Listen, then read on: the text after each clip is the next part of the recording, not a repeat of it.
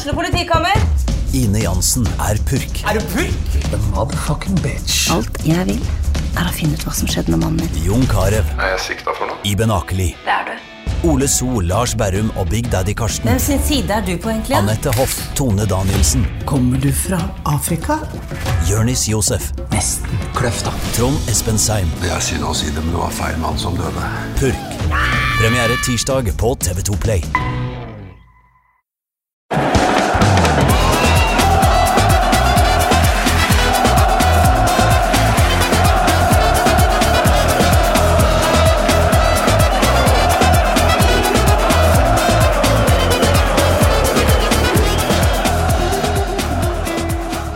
Ønsker vi velkommen til eh, en ny ordinær, i den grad vi kan kalle en ordinær episode når jeg sitter hjemme og min gjest sitter i sitt hjem. Men uansett en ny eh, vanligaktig episode av Pyro og Pivo. Eh, Temaet for dagen er ikke noe vanlig i det hele tatt, som man kanskje forventer i denne podkasten. Vi skal nemlig snakke om Kosovo. Og eh, det er jo litt, eh, litt frækt å skulle snakke om Kosovo til eh, norske lyttere, for det er jo en god del kosovo-albanere som sikkert har sine meninger og eh, erfaringer om eh, det vi skal snakke om. Så Trym Ogner, dagens gjest, i dag har vi litt mer notater enn vi pleier å ha.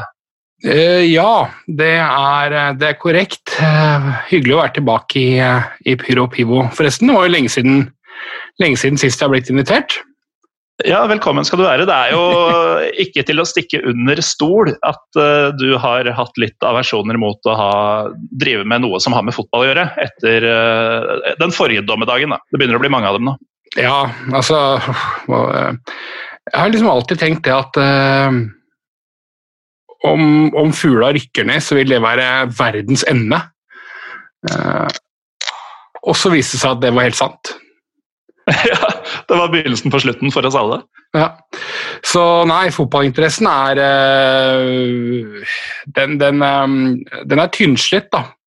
Men eh, når det er sagt, så er jeg jo sånn mye vil ha mer-type. da, Så, så nå, nå i disse dager hvor det ikke spilles ball i det hele tatt, da, da savner jeg det plutselig litt allikevel. da. Men i motsetning til mange andre, så er jeg nok mer jeg er nok mer positiv og optimistisk nå enn jeg vanligvis er. Rett og slett fordi at jeg har ikke LSK som ødelegger livet mitt en gang i uka.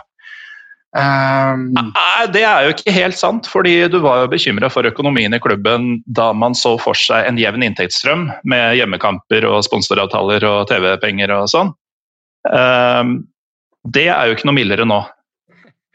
nei, det er det vel kanskje ikke, men uh, på et eller annet vis så har verden større problemer enn LSKs økonomi, da. Så, uh, så man får bare ta det, ta det inn over seg. Um, altså jeg er, jo, jeg er jo egentlig vanligvis litt sånn type, vet du. litt sånn som uh, er litt skeptisk til politikere sånn generelt og, og sånt noe, men jeg mener de folka nå som bare ikke forholder seg til det som kommuniseres og det Folkehelseinstituttet anbefaler, ja, det er noe forbanna idioter. ass. Dem har jeg ikke noe sans for. Så, så, så nå er det bare å være med på den såkalte dugnaden og holde seg mest mulig innendørs. og eh, ja, spille, pod podkast via, uh, via nettet, rett og slett. Ja. Det er jo litt sånn, Så lenge man kan få lyden til å funke. Da. Jeg vet ikke, Hørte du den eh, bonusepisoden jeg la ut tidligere i uka med Asbjørn Slettemark? Eh, ja, jeg hørte vel jeg, hørte, jeg har ikke rukket å høre gjennom alt, men jeg hørte, litt, grann, jeg hørte på litt. Grann. Jeg, jeg skulle jo vært med på den, eh, den eh, famøse Berlin-turen sjøl, så jeg var jo litt interessert i Mm. å høre ja, hva dere syta om. Ja. Nei, for uh, jeg er jo litt i sånn prøv og feil-fasen når det gjelder um, innspilling og lyd herfra, så jeg sleit litt med ekko og sånn da. Håper at det er bedre i dag, men for, for denne kan bli lang, Trym. Vi skal snakke om Kosovo, og hvorfor skal vi snakke om Kosovo i dag? Nei, altså I utgangspunktet så, så er jo det, det er et interessant eh, tema uansett, eh, syns jo, syns jo jeg. Jeg har vært der en liten tur eh, for et par år siden og har lyst til å reise tilbake. Men øh, utgangspunktet i dag er jo at øh, før, før verden og fotballverden ble stengt, så skjedde det noe veldig spesielt i, i, eh, i fotballen i Kosovo. Nemlig det at eh, en ung spiller på 16 år som heter Ilija Ivic, eh, ble tatt ut på Kosovos G19-landslag. Eh, Sa du tatt... Ilija Ivic? Ja. Det høres ikke ut som han glir rett inn i mengden. Nei, og det er jo det som gjør det her så spesielt, da, fordi at Ivic takket ja til det. og dermed så blir han ehm, Dersom det en gang eh, si, fotballen kommer i gang igjen, så blir han da den første serberen som representerer eh, Kosovo. Eh, og det har jo skapt furore, spesielt, eh, spesielt i eh, Beograd og Serbia. Det skal vi snakke litt mer om eh, etterpå. Vi skal snakke litt mer om hvorfor det har skapt furore. Eh, Ja. Eh, så vi kan egentlig la den ligge litt, og så kan vi begynne med å prate litt om eh, Kosovos historie, og hvorfor ting fremdeles den dag i dag er så anspent som det er. da. Ja, det kan vi godt gjøre. Jeg har jo eh, ikke fått tak i noe, noe kosovansk hjemmebrent denne gangen. Det viser seg at min krets av Kosovo-albanere den begrenser seg egentlig til en fyr på jobben som har gått såpass kjapt opp i gradene nå at det ville føltes litt feil å spørre om han kunne avse noe sprit til en uh, undersått. Så Jeg var ikke klar over at klasse, klasseskillene var så voldsomme. i uh, Oslo-skolen så er det det. Ja, ok, ja. Eh, Men jeg har da valgt bevisst å ta et glass som ikke har serbisk flagg på. Altså ikke et av de vi kjøpte sist vi var i Beograd for noen år siden. Eh, Og det har jeg fulgt med det nærmeste jeg kommer det jeg antar uh, kosovansk hjemmebrent ville smakt, nemlig uh, noe av din svigerfamilies hjemmelagde fra Romania av drue. Ja, ja, men det var hyggelig, da. Ja da. Selv sitter, sitter jeg, sitter jeg med en liten tubor, og det er det eneste jeg har foreløpig. Ja, ja foreløpig. Vi får se hvor seint det blir. Mm. Det begynner å lukte ganske heavy i, i rommet her allerede. Så det er, Ja, den, er, den, er jævlig, den er ordentlig, den det er en ordentlig rakker, det der, faktisk. Den skal du være litt forsiktig med. Ja. Mens jeg lener meg litt tilbake med en, eh, med en eh, hjemmelagd eh, druepalinka, eller en grappa blir det vel kanskje, så kan du fortelle litt om hva Kosovo er? Ja, jeg kan, jeg kan jo prøve. da. Som du sa innledningsvis, så blir det kanskje litt mer mekanisk i dag. fordi at dette her er et forbanna vepsebol. og vi er ikke, vi er ikke, Selv om vi ikke alltid er eh, Vi er ikke kjempebekymra for å fornærme folk, vi. Det, mm, det både gjør vi og tåler vi når folk gjør med oss, men, men, eh, men det, dette, er, her er det, dette er komplisert. da. Eh, og Du nevnte jo at det kan godt være at altså det finnes jo veldig mange eh, i Norge, men det finnes jo også veldig mange serbere. Eh, og det er nok mange forskjellige meninger om ting, så, så, så det viktig å prøve å lage en slags sånn oppsummering av spesielt den moderne historien, da, uten at vi på en måte går så veldig mye inn på ulike skyldspørsmål og sånne ting. eh, For da, Mm. for da blir det fort veldig sausete. Men vi kan jo da vi kan jo begynne sånn, sånn veldig overordna. Altså, altså, Kosovo er jo da et land eh, litt avhengig av hvem du spør, eh, som, som ble selvstendig eh, og er anerkjent av ca. halvparten av verdens eh, nasjoner som en selvstendig stat. Ble, ble det i 2008. Det er et veldig lite eh, land, mindre enn eh, f.eks. Nord-Irland i utstrekning, og bare 1,8 millioner innbyggere. I dag så er det sånn at ca. 90% av de eh, innbyggerne er eh, etniske albanere. Eh, Så Mm. finnes det jo riktignok noen forskjellige ulike albanske grupper også, men, men, men sånn uh, overordna kan man si at eh, 90% er albanere, og så er rundt 5-7% Der er tallene veldig sprikende, men eh, la oss si 57 er da etniske serbere som er igjen da i, i, eh, i Kosovo. Eh, altså Hele det området her sånn har jo som kjent i mange århundrer eh, vært eh, eh, preget av krig og konflikter og uenigheter. Og eh, når det gjelder Kosovo, så, så, så det eh, så er det inget unntak. da. Det osmanske riket, eh, eller er det ottomanske riket, Morten? Ja, osmanske på norsk, Ottoman på engelsk. Men, men nå snakker vi om gutta mine. Ja, nå snakker vi om gutta dine. De, eh, de, de, de styrte jo her sånn veldig lenge, fram til eh, det kollapsa i 1918, og da ble Kosovo inkludert i det som da var det serbiske riket, eh, som senere Mm. ikke lenger var et kongedømme, men, men etter andre verdenskrig ble, ble Jugoslavia. Da. Mm. Så hvis vi da spoler litt fremover, så, så kan vi jo begynne i, i 1980, når general Tito dør. Eh, altså, da han døde i, i, eh, i 1980, så besto Jugoslavia av seks republikker. Eh, det var altså Slovenia, Montenegro, Kroatia, Makedonia, Bosnia-Hercegovina og Serbia. Og så var det to autonome, eller selvstyrte er vel det, provinser. Eh, Vojvodina, som i dag ligger i Serbia, og Kosovo. Eh, så det var jo på en måte det, det Jugoslavia besto av. Det kan jo kan være verdt å merke seg at Jugoslavia betyr jo sørslavernes land. altså Jugo er ja. sør og Slavia, ja, det sier seg sjøl. Um, og veldig forenkla sagt så kan man jo si at uh, de fleste av de folkegruppene vi nevnte her sånn, er slavere, men det er ikke albanerne. Uh, en, en, litt sånn forenkling der, men, uh, men, et eksempel på det er at det albanske språket er helt unikt og på ingen måte beslekta med de serbokratiske språkene eller slaviske språkene i det hele tatt. Da.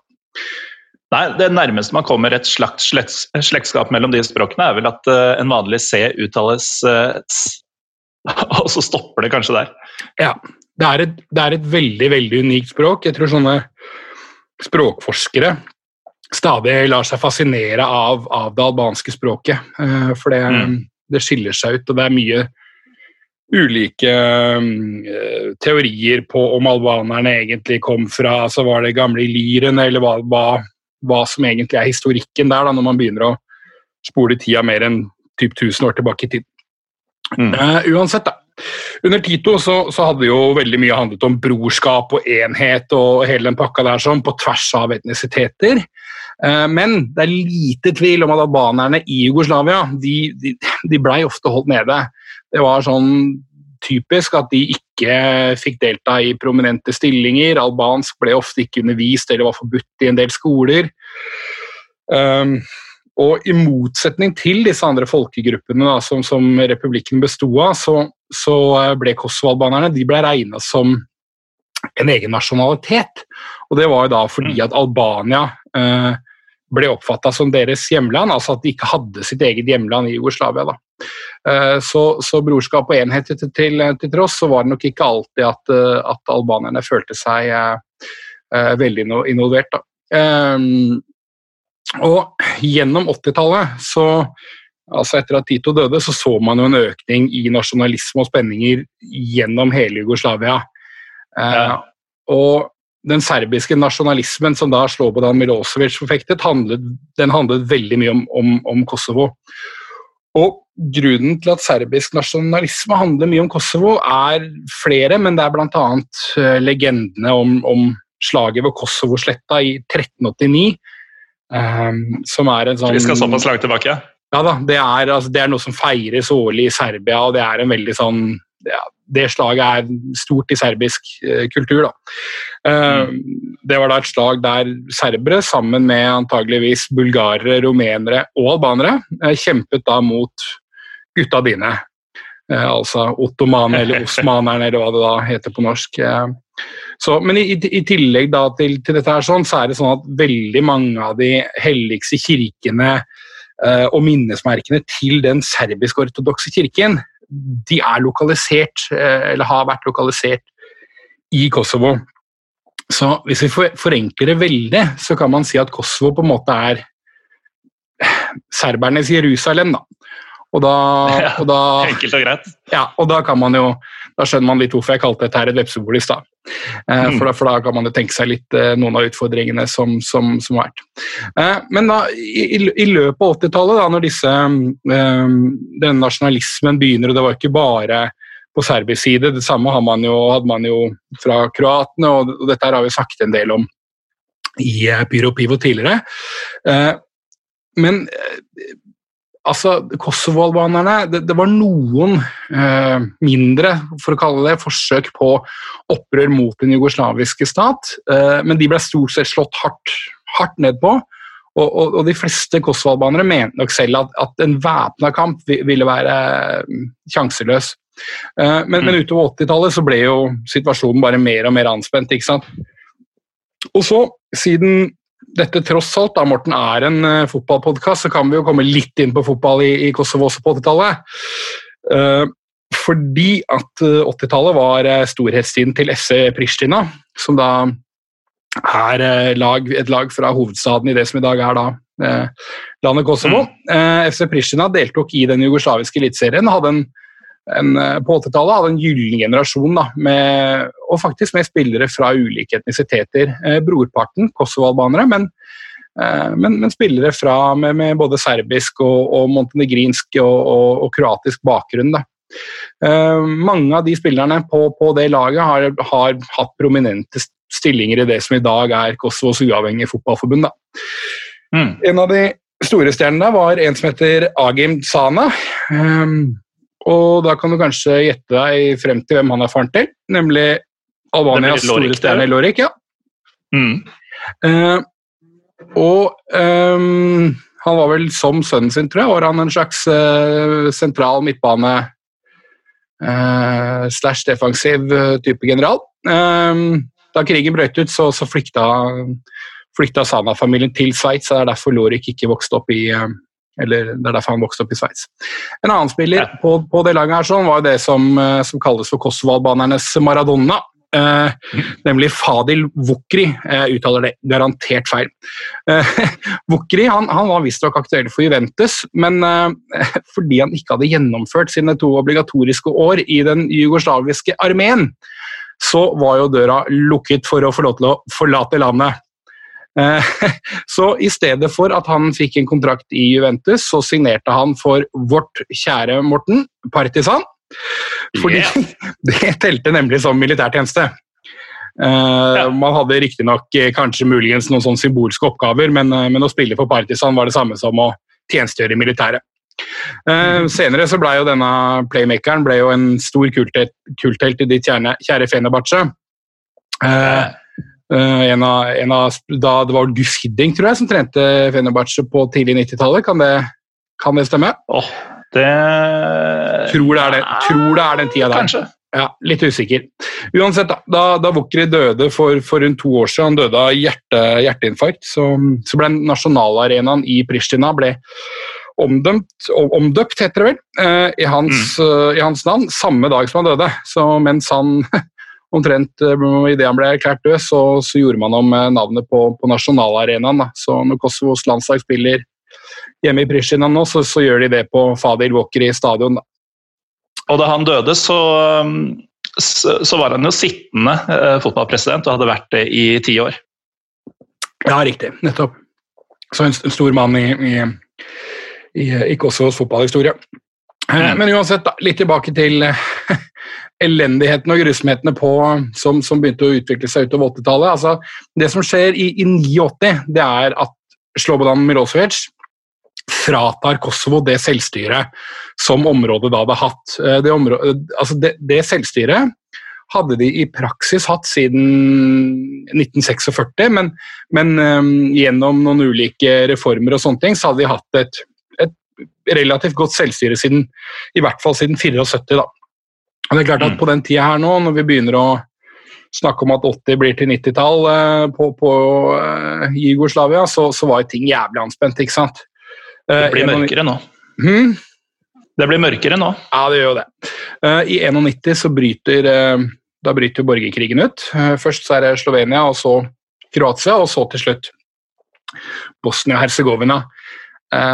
det her har vel vi vi hadde vel med Vi hadde en episode for en stund siden, Morten, eh, med uh, vår gode venn Runar Norvik, der vi prata litt ja. om Kroatia. Uh, mm. og Da tror jeg vi gikk litt inn på, på dette her med f.eks. hvorfor krigen i Slovenia var i gåsetegn ganske ukomplisert og ikke hadde altfor mange mm. offer. Og Det handler jo, handlet jo i stor grad om at det var et område der serberne ikke hadde noe særlig eh, befolkningsgruppe. Det var få serbere som bodde i, i de slovenske områdene.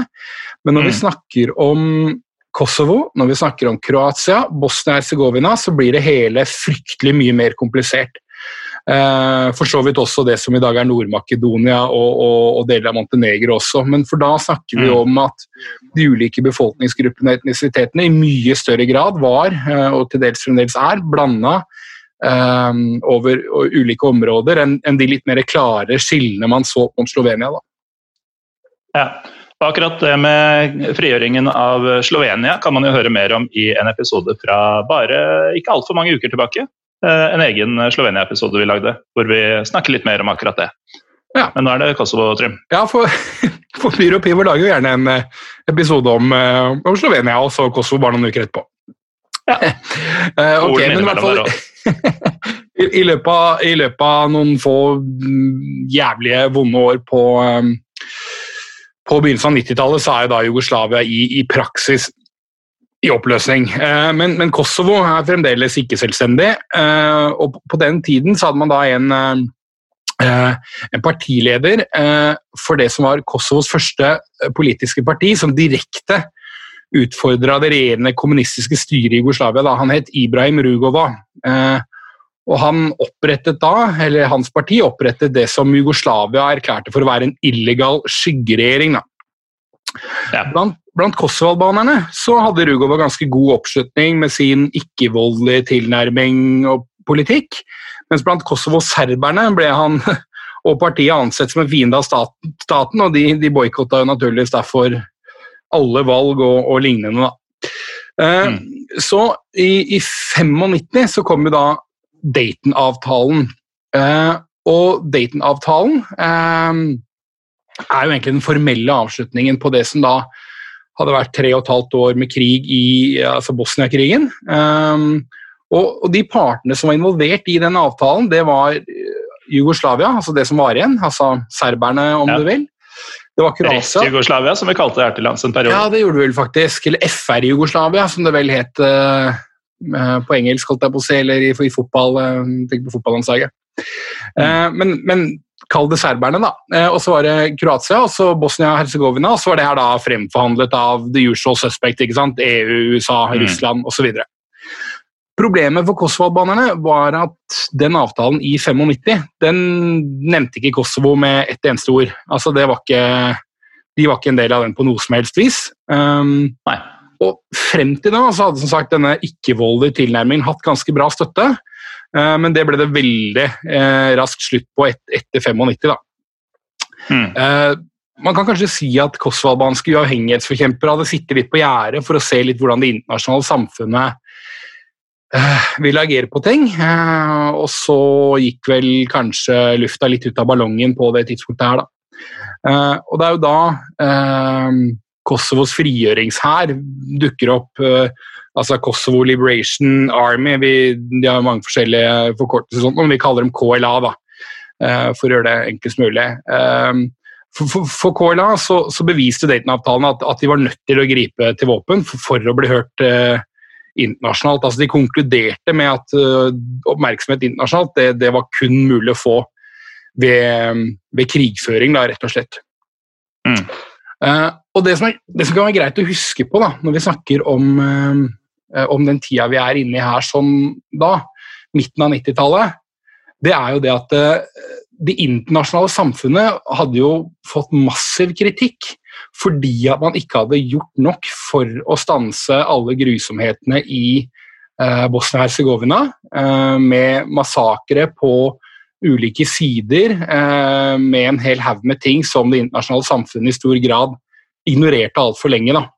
Eh, mm. Og i, i lys av det så var både, både Bush senior og, og, senere også Bill Clinton var, var veldig tydelig uh, på at dersom serberne benyttet våpen i en eventuell uh, Kosovo-konflikt, så ville USA være klare, klare til, å, til, å, dundre på med militærmakt. Uh, og KLA um, de, de, de, skjønte nok det at her sånn var det både mulig å få en del støtte, noe de etter hvert øh, gjorde, um, men også at, at, her var det mulig å, å skape noen provokasjoner som, som, ville skape en overreaksjon fra Jugoslavia og Slobodan Milosevic, og det fikk de jo selvsagt rett i. Så i 96 så, så begynner da KLA en, en geriljakrigføring. De var da ledet av Hashim Tashi, som senere har vært leder av, eller statsminister i, i Kosovo. KLA starter da geriljakrig mot styresmakten i, i ja, 96, som sagt.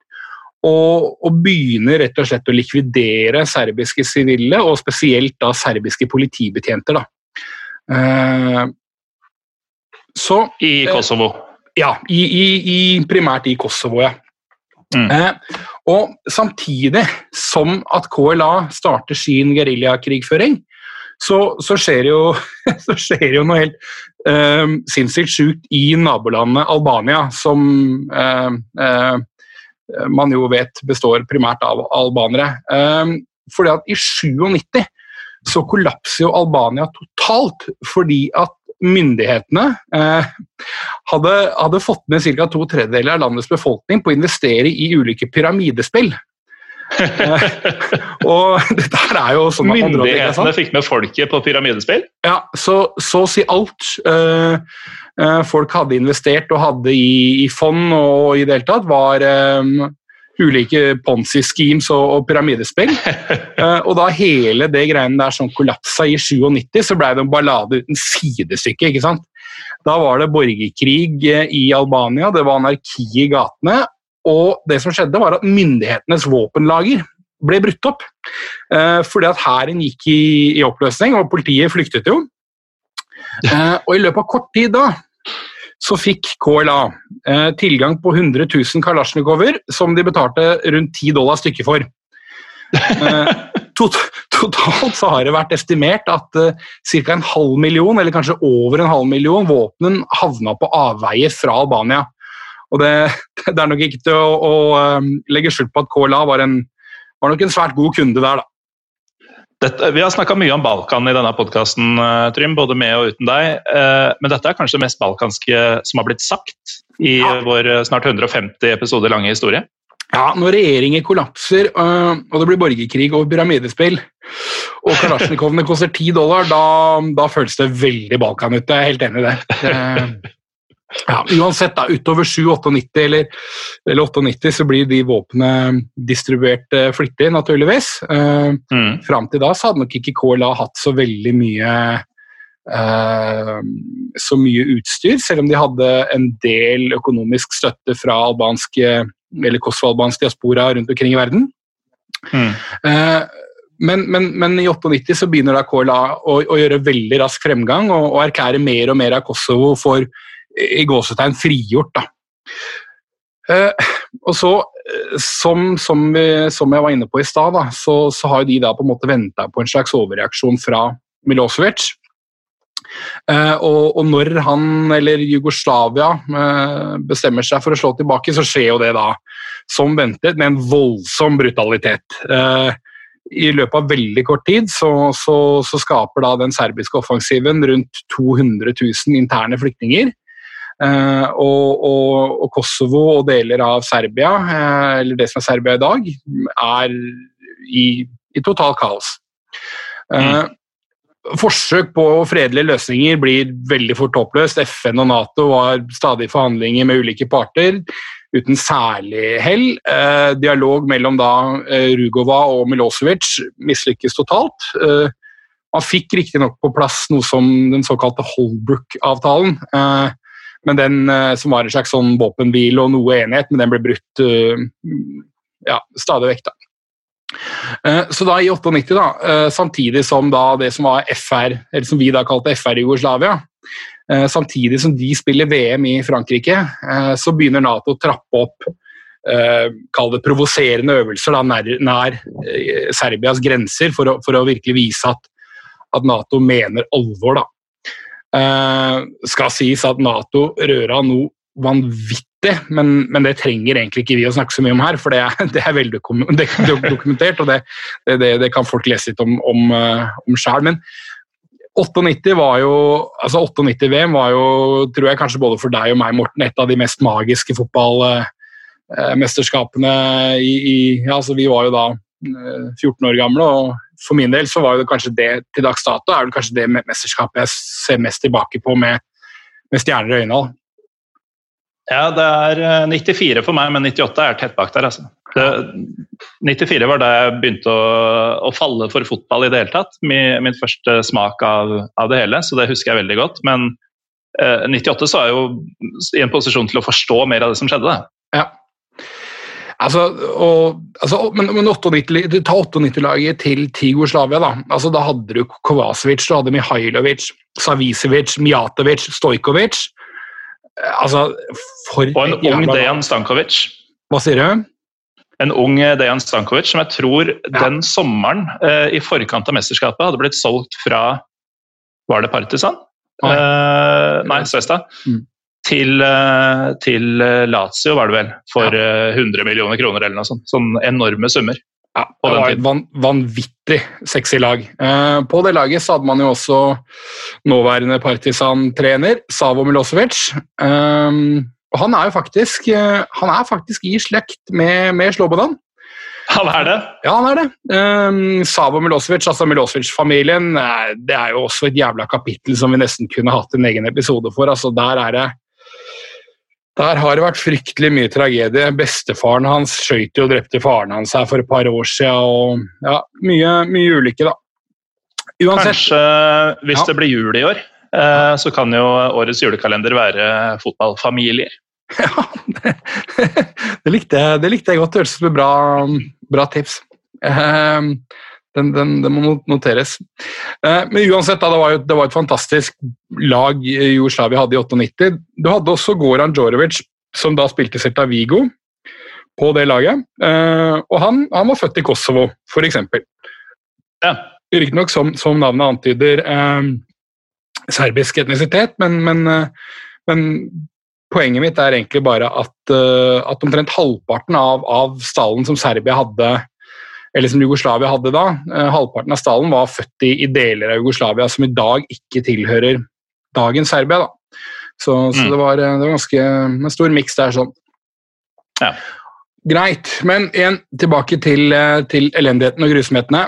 Eh, altså, man, man, fikk til liksom noe bevegelse med tanke på å tillate observatører og litt sånne ting, men, men innen utgangen av 98 så var det 300 000 mennesker som var på på flukt eller internt fordrevet i, i Kosovo.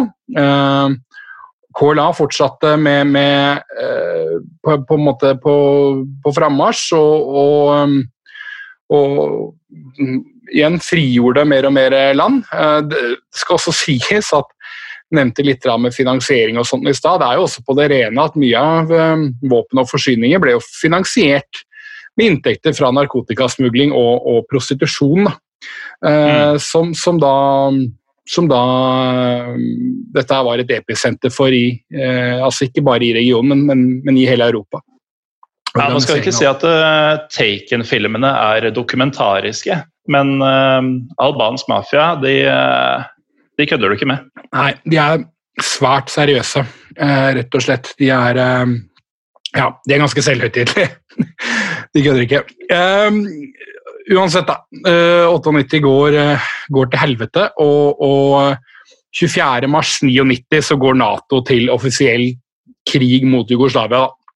Nato hadde jo selvfølgelig totalt overlegen militær styrke, spesielt, uh, uh, spesielt i lufta. Uh, og, og, og, skadene på, på, infrastrukturen var ganske omfattende. Det, Jugoslavias, eller serbernes som du vil, strømproduksjon og oljeraffinerier ble satt ut av spill. Våpenindustrien fikk voldsomme skader. Eh, og frem til det helvete var over, eh, den 10. juni, så, så hadde Nato sluppet omtrent 30 000 bomber eh, over Jugoslavia. Da. og mm. når dette var ferdig, så var ca. 1,4 millioner sivile drevet på flukt. Um, og da snakker vi både eh, Kosovo-albanere og Kosovo-serbere, og, og, også serbere og albanere som bodde på, på, det som i dag er serbisk side. Eh, to tredjedeler av eh, serberne som, som, da holdt til i Kosovo, forlot, eller flyktet fra Kosovo og, og flytta aldri tilbake. Eh, og Det er jo derfor, som jeg sa innledningsvis i dag, dette her med at ca. 90 i dag er albanere. Eh, det er få, få serbere igjen i Kosovo. Siden den gangen så har jo disse KFOR-styrkene, som, som, de fleste nordmenn kjenner godt til, vært plassert i, i Kosovo. Det er jo et oppdrag som, som uh, Norge har hatt uh, stor del i, også ledet på et tidspunkt. Uh, KFOR ja, Det kan godt være, kan godt være lyttere der ute som har tjenestegjort der. Ja, det ville jo ikke forundra. KFOR er jo det er Nato-ledet fredsbevarende styrke, og det ansvaret er jo da, handler om å vedlikeholde fred og, og sikkerhet. og også beskytte kulturminner fra vandalisme. Da. Det har vært vanvittig mye vandalisme på, på, på begge sider, og, og, ødelegging av moskeer og, og, kirker og minnesmerker og i det hele tatt. På det meste så hadde KFOR 50 000 soldater eh, stasjonert i Kosovo, i dag er det igjen ca. 3500. Uh, så altså, 20 år etterpå så er fremdeles KFOR et aktivt oppdrag i, i Kosovo. Kanskje mange som ikke er klar over det. Nei, og Vi skal snakke litt seinere om um, hvordan fremtidsutsiktene ser ut for, um, for, en varig fred og en varig stat der. Men um, er det på tide å snakke litt fotballtrym, eller har vi mer å si om uh, ja, nei, altså, Jeg, jeg syns godt vi kan uh, prate fotball nå. Altså, det vi kan avslutte med her, er vel egentlig da 2008, hvor da Kosovo erklærer Kina uavhengighet. da. Nå er jo i dag, mm. Eh, som jeg nevnte i stad, anerkjent som en suveren stat av ganske mange, men, men, men ikke alle. Så det var vel en, en slags, et slags forsøk Morten, på, å oppsummere de siste eh, 10-20 årene før, eh, eller kanskje 30 årene før, eh, før Kosovo ble en selvstendig eh, nasjon. Det er tung materie. Ja. Ja, du skal ha for forsøket, Trym, så får vi se på stormen fra kosovanske og serbiske lyttere her til lands, eh, hvordan du klarte det. Ja. Jeg håper at de tar i meg med mer silkehansker enn moldenseren gjør. ja, man kan si mye om, eh, om balkanfolk, men ingen av dem er moldensere. Nei, det, det skal de ikke ha på seg. Ja, nei, men det var i hvert fall den lille oppsummeringa, Morten. Mm. Beklager at jeg holdt ordet litt lenge. Nei, men det, det, får være greit, og jeg tror lytterne har savna det såpass at de også syns det er eh, greit. Men uh, de har jo etter hvert fått et fotballforbund, uh, Kosovo. Ja. Eller de har egentlig alltid hatt det, kan du si. Federata e Futbolit e Kosoves, forkorta til FFK, faktisk. Mm. De, de ble etablert faktisk allerede i 1946, altså rett etter krigen. krigen andre verdenskrig i dette tilfellet. Eh, ja. Men da som en del av det jugoslaviske fotballforbundet. Eh, hvor de tok seg av provinsligaen i Kosovo, som var det som foregikk av fotball um, i Kosovo fram til uh, 90-tallet. Bortsett fra, som du nevnte, Pristina, som klarte å ta seg oppover i det nasjonale jugoslaviske systemet. Mm. Da var det sånn at den uh, provinsligaen i, i, Kosovo det var en del av det jugoslaviske femte nivået. Ja. Uh, men så er det jo da 2008 som er et uh, nøkkelår her også for fotballen. Der da ting virkelig begynner å skje. I, i februar 2008 så annonserer jo, som du sier, Kosovo sin løsrivelse fra Serbia, og blir jo umiddelbart anerkjent av, av Vesten, altså Storbritannia, Frankrike, USA f.eks. Mens da eh, Serbia og deres eh, venner, eh, bl.a. Russland og Kina, eh, var og fortsatt er sterkt imot denne uavhengigheten. Ja, så eh, det er vel sånn til dags dato at Serbia og, og Kosovo kan jo ikke møte hverandre i, eh, i fotballkamper i henhold til Uefas reglement. Nei, og vi har jo sett noen eksempler på hvorfor det ikke er en god idé. Altså Albania-Serbia for noen år tilbake, og til og med Sveits-Serbia i VM ja. Eh, for to år siden. Det sklir litt ut, det gjør det. Ja, Det viser jo hvilke følelser som er i sving mellom disse to etnisitetene. Ja. Men uh, vi, vi, skal jo se på historien her at det er stadig Serbia som, som er i veien uh, under denne drømmen om et landslag, som det var en film om Kosovo uh, som het som fantes på Viaplay, men ikke er der lenger, fant jeg ut. Det er, den, er, det den som er med Albert Bunyaki, som vi sikkert skal snakke litt om etter hvert også? det tror jeg. Ja. Um, lenge, lenge siden jeg så den. Ja. Mm. Men uh, under tre måneder etter dette så um, søker de medlemskapet i Fifa den 6. mai 2008. Uh, og blir ikke tatt opp som medlem fordi de ikke oppfylte kravet om å uh, være anerkjent altså, i stor nok grad anerkjent av det internasjonale samfunnet som en egen stat. Men i 2012, fire år seinere, så får de lov til å spille treningskamper. Eh, egentlig. Men eh, Serbia protesterer umiddelbart, og tre dager etter at de fikk lov til dette, så mista de retten til å spille treningskamper igjen. Ja, ja det, øh, det, er en brokete en, en, en trang fødsel, ja, vel si.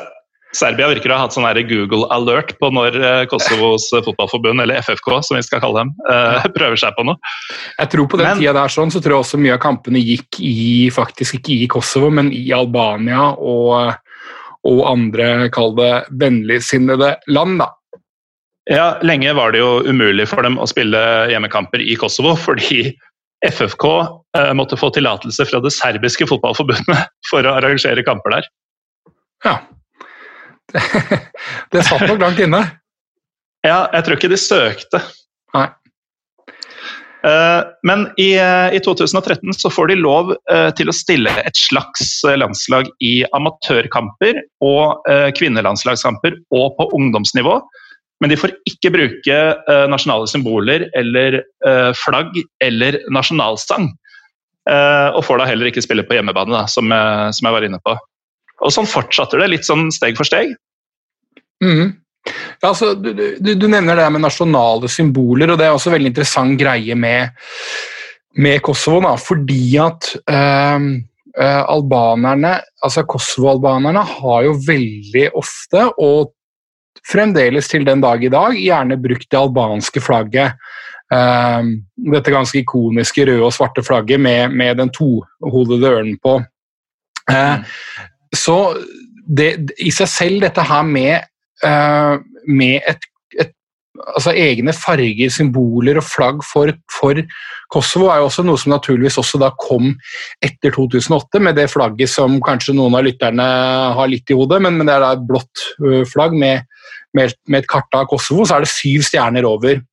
Uh, og de syv stjernene de, de representerer da, for å være skal man kalle det så politisk korrekt som overhodet mulig, så representerer de eh, de syv etniske gruppene som Kosovo består av. Da. Fordi at I tillegg til albanere og serbere, så er det også uh, tyrkere, goranere, romfolk og, uh, og bosniakker. Da. Så det er et slags uh, politisk korrekt uh, flagg, som kanskje egentlig ikke har vært sånn uh, veldig Det har nok ikke vært trykket så veldig varmt i brystet verken blant Kosovo-albanere tidligere, eller spesielt ikke Kosovo-serberne. Det som er interessant i dag, vi skal snakke mer om dagens landslag òg, men er at nå ser man mer og mer av at Kosovo-albanerne benytter det det flagget eh, mer og mer. Så der du tidligere så Kosovos uoffisielle landslag spille i rødt og svart, eh, så, så, ser man i dag mer av disse blå, hvite og gule fargene som da er eh, mm. dagens flagg. Da. Inspirert av Sverige, tror du? ja, sånn som Boca Juniors. ja, eller jeg tenkte mer siden det er Vi skal tilbake til det, men det er jo fryktelig mange spillere fra Sverige som det representerer Kosovo. Ja, men altså Kan vi ikke nesten ta litt av det omtrent egentlig med en gang? For det er jo eh, det som er interessant med, med, med Kosovo, er jo at det er, det er, mange linker til Skandinavia. Uh, og egentlig ikke mm. Skandinavia, men Sverige og Norge um, ja. spesifikt. Uh, altså I fotballen altså, Dette landslaget til Kosovo har vel hatt uh, Jeg har de navnene foran meg nå, jeg klarer ikke helt å telle hvor mange det er. Men altså, norske spillere som har representert Kosovo, så har du Herolin Shala, Syver Betici, Flamur Kastrati, Gyldren Ibrahimai, eh, Bersan Selina, Avni Pepa, Ardian Gashi, Elban Rashani og Valon Berisha. Eh, altså det, det, er bare den norske kontingenten som har representert mm. Kosovo. Da. I tillegg, du nevnte, nevnte, Sverige, altså en av verdens eh, største kvinnelige fotballspillere, Kosovare Aslani, som som er stor stjerne på det svenske kvinnelandslaget, er jo, ja, som navnet, som navnet vel antyder litt har også Prøv å si at hun er av serbisk opprinnelse. ja, ikke sant. Uh, nei, Kosovare sine foreldre er fra Kosovo, gitt. Men det er mange ja. linker der. og, og og du nevnte, uh, du nevnte denne, denne, dokumentaren som kanskje noen av lytterne har sett, uh, men den, den, følger jo da Albert Bunyaki. og det, det, er da treneren som leda landslaget fra 2010 og til 2017. Så det vil si at da han kom inn i jobben, så var jo ikke forbundet egentlig eh, tatt opp i Uefa og Fifa enda, eh, men, men, men, de spilte vennskapskamper og sånne ting. da. Bunyaki mm. har en litt interessant bakgrunn, fordi at han, han også har eh, bakgrunn fra, eh, fra, fra, Kosovo og er eh, eh, altså av albansk etnisitet. Han flykta til Sverige som 20-åring. Og det, eh, det, gjorde han for å slippe å tjenestegjøre i, i den jugoslaviske hæren. Så mens han var flyktning i Sverige, så ble han dømt eh, hva det heter, in absentia. Eh, mm. til, til, 20 års fengsel i, i, i, jugoslavisk rett, og var sånn sett veldig redd lenge for å, for å komme tilbake til, til Jugoslavia. Da. Han ble trener for ulike lag i Sverige, og så fikk han da den jobben. Og da hadde han med seg eh, Tord Grip, faktisk, av alle. Gamle norske landslagssjefen. Gamle norske landslagssjefen og assistenten til Sven Gøran Eriksson var med på det.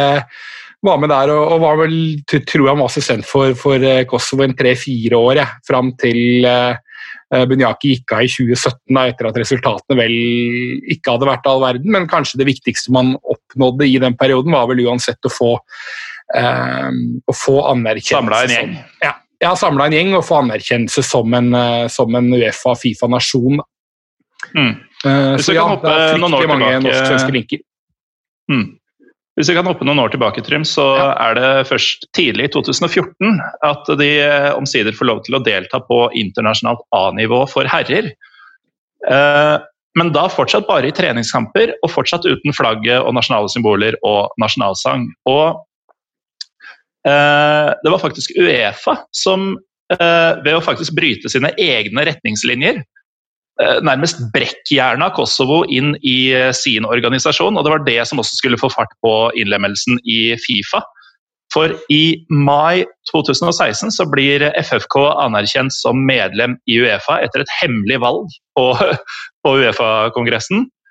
Og bare jeg tror det var ti dager etterpå så står den tilsvarende kongressen til Fifa, og der ble det også opptatt som medlem, endelig. Eh, og nøkkelen til denne godkjennelsen i Fifa var nettopp Eh, medlemskapet de hadde fått i Uefa. Ja. Steike. Ja. Eh, ja, det er, ja, det er noen prosesser. Det er det. Det er det. Så fra 2016 så har eh, det faktiske landslaget til Kosovo deltatt i turneringskamper som kvalik til VM i 2018 og kvalik til EM som skulle stått om et par måneder. Og før korona så hadde de jo faktisk en slags mulighet til å kvale til nettopp EM 2020 pga. denne samme muligheten som gjør at Serbia eh, også hadde samme mulighet. Hvem var det Serbia skulle møte? Serbia skulle møte noe sånn jalla-lag fra Nord-Europa, jeg husker ikke helt. Men uh, i Nations League så møtte Kosovo i sin gruppe uh, Hold deg fast, for dette blir heavy shit. Uh, Aserbajdsjan, Malta og Færøyene. Nydelig. Der har du gjeng. og da, ja, da begynte jo resultatene å komme. de fikk uavgjort bortimot. Altså, når du skal spille et gruppespill hvor bortekampen mot Aserbajdsjan er den desidert vanskeligste på papiret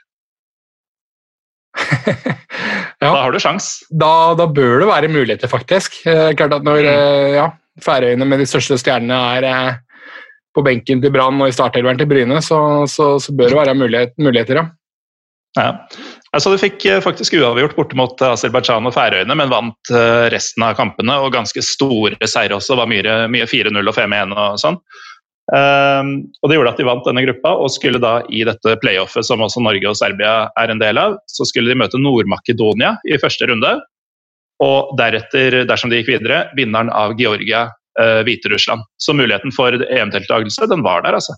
Ja, og la oss, la oss jo tross alt uh, håpe at det EM-et blir spilt neste år, da, Morten, og at vi, at vi kanskje får sett det hadde jo vært ganske fett ja, Kanskje ikke si til lytterne at, at, at, det hadde vært fett om Serbia kvalifiserte seg, men, men, et EM som besto både av Serbia og Kosovo i 2021, kunne jo vært um, det kunne jo vært godt krydra, for å si det sånn.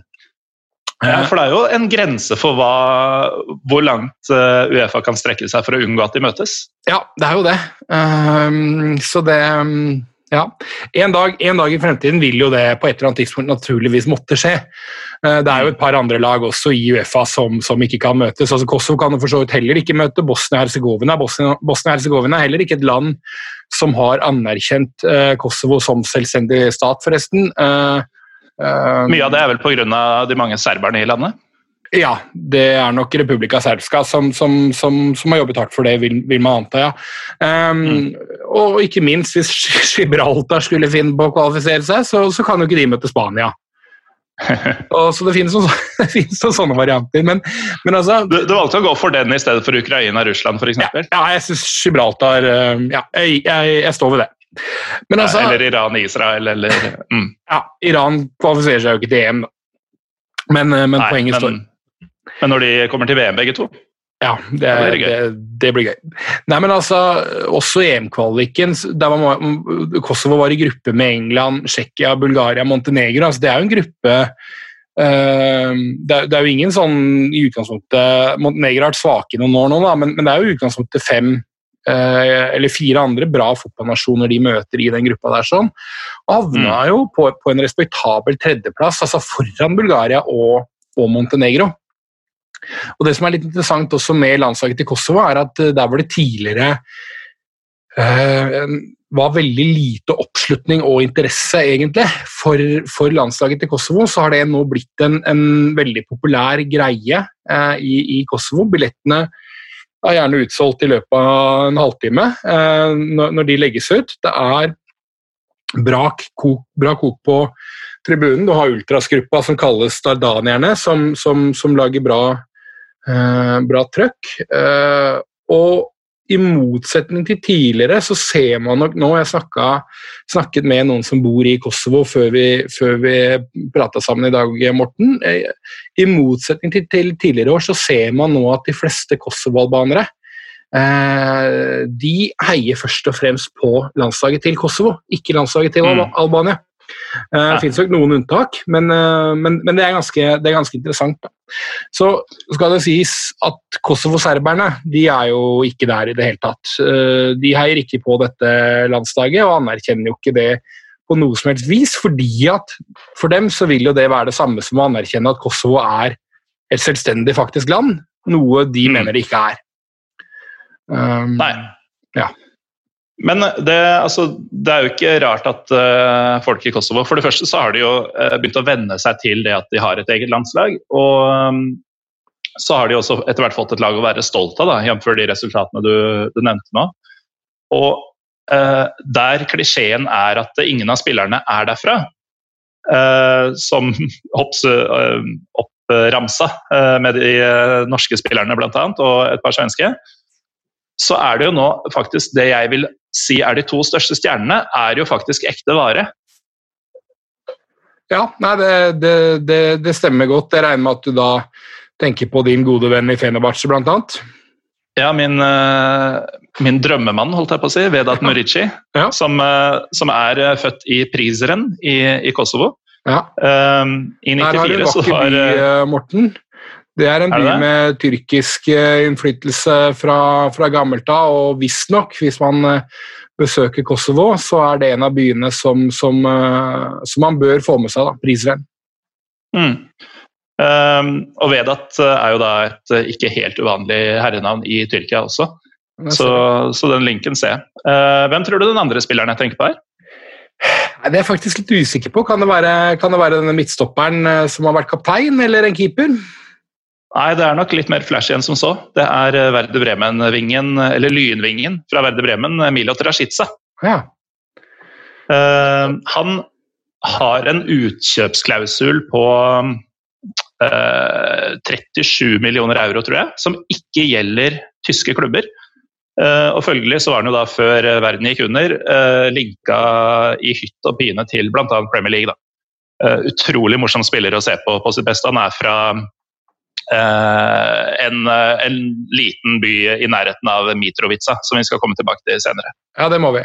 37 mm. millioner euro tror jeg omtrent forresten er statsbudsjettet i Kosovo. ja, eh, Nå vil jo de pengene gå til Verde Bremen og agenten okay. ja, sånn heller, ja. Okay, heller, heller enn staten Kosovo, men, men verdt et forsøk. Ja. Um, skal vi gå litt på ligafotballen også, eller nå som vi er så godt i gang? Ja, for det er jo, det er jo en etablert eh, liga etter hvert, som vel deltok i eh, Uefa-kvalik og Champions League-kvalik for første gang for bare to, to sesonger siden.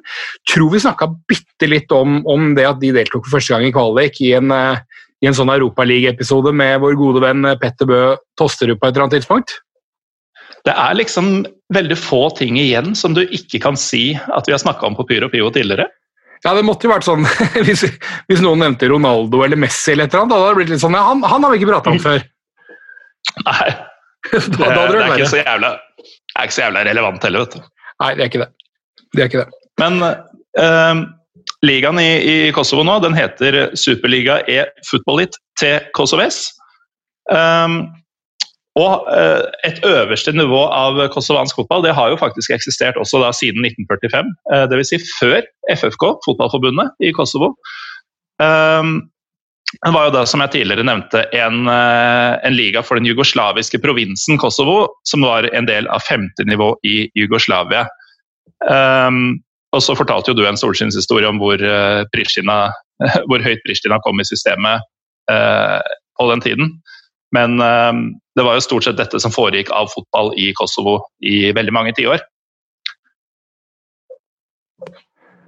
Ja, det høres riktig ut. Nå hadde jeg faktisk et problem, problem med mikrofonen der, men jeg hørte, hørte så vidt hva du, hva du sa der. Den, um, um, Kosovo-ligaen er vel for så vidt også nå en av de som er uh, truffet av dette koronahelvetet, så der er vel også ligaen per nå uh, utsatt.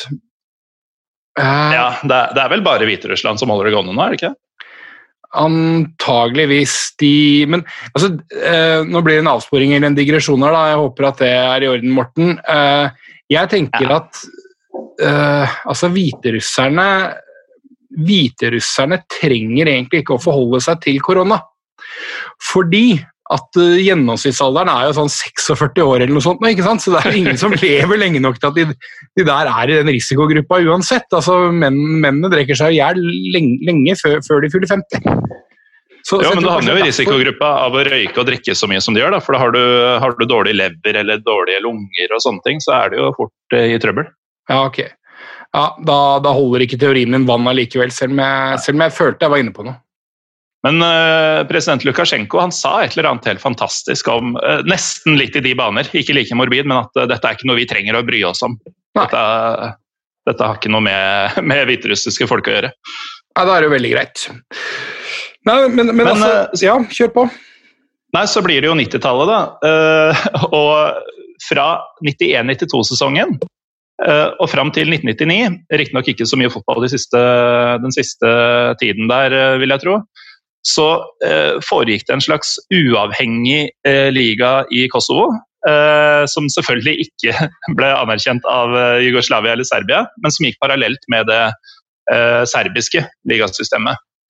Eh, og det som er litt interessant her, er at når du skal ramse opp antall titler altså Pristina er jo mestvinnende med, med ti ligatitler, men Kosovo Folk i Kosovo de eh, regner jo da titler vunnet under denne ligaen, eh, som bare de selv anerkjenner, som en del av den totale, den totale fotballhistorien. Et eget uh, ordentlig ligasystem da, starta de med i 1999, og fram til nå, som ingen kjører fotball lenger, så har de spilt uavbrutt der siden år 2000. Da med Pristina fra hovedstaden Pristina, med, som mestvinnende klubb med ti ligatitler, hvorav da noen kommer da fra tiden før, eh, før de kom i gang med denne eh, egne proffligaen. Men den regjerende mesteren Trym, det er Feronikeli fra byen Glogovac midt i landet. De er regjerende mester da de tok sin tredje ligatittel i fjor. Hva vet du om denne klubben? du, det, det, er, eh, det, det, er lite, for å være for å være ærlig, men jeg lurer på om de spiller på et stadion uh, som heter Recep ja, Recepi. Nettopp. Uh, og det er jo ganske fett navn. Altså stadion Recep Recepi. Ja. Uh, bring, vekker det noen minner hos deg? Ja, altså, det må jo, så, Som fuglegutt så hadde vi jo uh, den unge, lovende finsk-kosovo-albanske stopperen Lom Recepi for noen år tilbake. Mhm. Som sleit med skader, men som også var øh, fryktelig glad i å dra ut på, på, på Solli plass og ha det hyggelig både i helgene og i ukedagene. Så øh, ja, når, når, det er sagt, så tror jeg Recepi tror jeg, sånn, jeg tror det nesten er litt sånn der, øh, albansk variant av Andersen. Altså, det, er, det er et navn som går igjen. Så, men nei, jeg, jeg, jeg, jeg kan Det er Anders Andersen stadion? Ja. Jeg kan, kan lite om, om, om Feronikeli. Jeg kan det, altså. Ja. Uh, da, da, har vi sagt nok om dem. Men uh, jeg, jeg, tror at Lomre Jepi fra naturens side han hadde ganske gode, gode forutsetninger for å, for å, faktisk hygge seg på solig plass. Jeg tror han lyktes godt på solig plass, mm. rett og slett. Flott, flott stykke mannfolk, det må være lov å si, når vi sitter her og ja. er innestengt. Ja, han var et glansbilde. Ja. Er sikkert fortsatt, for alt jeg vet. Men i tillegg til å være mestvinnende, så er jo da Pristina det eneste laget som har vært med i denne ligaen i alle 20 sesongene. Ja. men det er jo ikke så spennende. det som er spennende for nordmenn, det er jo en liten klubb fra Gilan i sørøst-Kosovo. Nemlig FC Drita, og det er jo selvfølgelig bare pga. navnet. Ja, det har jeg skjønt at veldig mange har ja, har, har, har hengt seg opp i. Det har jeg jo eh, Jeg lurer på om de hadde en norsk fanklubb på et eller annet tidspunkt òg, jeg. Ja, ehm, jeg, jeg, tror den for så vidt er uoffisiell, men en norsk fanklubb leda av uh, Twitter-legenden Martin Aarseth. Okay. Uh, de, de, deler faktisk sammen med Gilani fra samme by, så deler de det stadionet som er det største i ligaen. Ja. Nemlig Stadiumi i Kvitetit til Gilanit, eller Gilan City Stadium, som har plass til hele 15 000 tilskuere. Ikke at jeg tror FC Drita drar 15 000 tilskuere særlig ofte. Nei, i så fall så er jeg sikkert mye av det nordmenn. Jeg er jo litt sånn, jeg vet, Morten, at jeg er ikke sånn altså, Det er sånn folk drar til Tallinn og så tar en bilde av det gateskiltet, for det er en gate, en hovedgate eller sånt, i Tallinn som heter Pikk. Jo, men Er ikke Pikk navn for gate? Ja, det er mulig. Jeg veit ikke. Jeg jeg folk det er jævlig festlig. Jeg er liksom ikke helt der. Ja. Det er ikke, så ja, jeg skjønner at det er litt gøy at med et FC Drita og, og sånt, men, men jeg, det, det, er ikke helt min type humor, faktisk. um, men, men, de har jo hatt noen gode sesonger, da, det veit jeg jo. For, for, de har vel også vært et av de lagene som var ute og, og forsøkte å kvalifisere seg til en europaspill. Um, ja, samme sommer som, uh, som Fugla prøvde seg mot Lask, så ja, var FC drita med en liten stund. Møtte lag fra Gibraltar og Andorra og sånn. Ja, og så skal det, det sies, da, Morten, du, du, nevnte profesjonell liga i stad. Det er klart, da, da, tar du litt i. Du gjør jo det. For det, ja, jo, ja, ja. Uh, det er ofte sånn med, med, mange av klubbene at de har et par importspillere. og Det er veldig typisk at det er noe sånn fra Nigeria eller et eller annet. Uh, Adeleke Akinyemi, startlegenden, som vi har dekka litt i en uh, episode for en god tid tilbake, var jo faktisk via Kosovo-albansk liga før han havna i Latvia og så ble kidnappa og havna i Kristiansand. ja. Det, det, er jo sånn det skjedde. Jeg har registrert når vi vandrer i korridorene på moderne media og møter på noen som har jobba litt høyt opp i systemet i start, og sånn at eh, det er ikke alle som er helt enig i din eh, versjon der, men eh, din versjon er jo den kuleste, og derfor også min versjon. Ja, og den er jo heller ikke motbevist av de folka som ikke er glad i min teori. Eller min påstand. um, en annen klubb jeg syns er verdt å nevne, og det tar litt med Eh, eller først og fremst med navnet, men eh, jeg nevnte at FC Drita og Gilani de spiller på altfor store stadioner. De fleste stadionene i denne ligaen er eh, veldig små. Altså, dette er musikk i dine ører. Noen av dem er så små som 1500 til 2000 plasser, Trym. En av disse klubbene som spiller på et 1500 personers stadion, med kun sitteplasser for øvrig, er FC Balkani da føler jeg man eh, maler med litt brei kost når man kaller laget sitt eh, det. Ja, eh, fra byen Suva Reka. var Reka, ja. ja. Og da er det vel sikkert noen som syns det er gøy at byen heter Reka også, da, eller? Helt sikkert. Um, som lytterne merker, så er vi ganske tynne på, på kvalitetsinfo om disse lagene. Men Eh, tilbake til et av lagene som spiller på litt større stadion. Eh, så har du KF Treccia 89 fra Mitrovice eller Mitrovica, og der har du vært, Trym. Der har jeg vært, og det er jo altså Mitrovica er jo en interessant Det er jo en Altså, det er en kjempeinteressant by.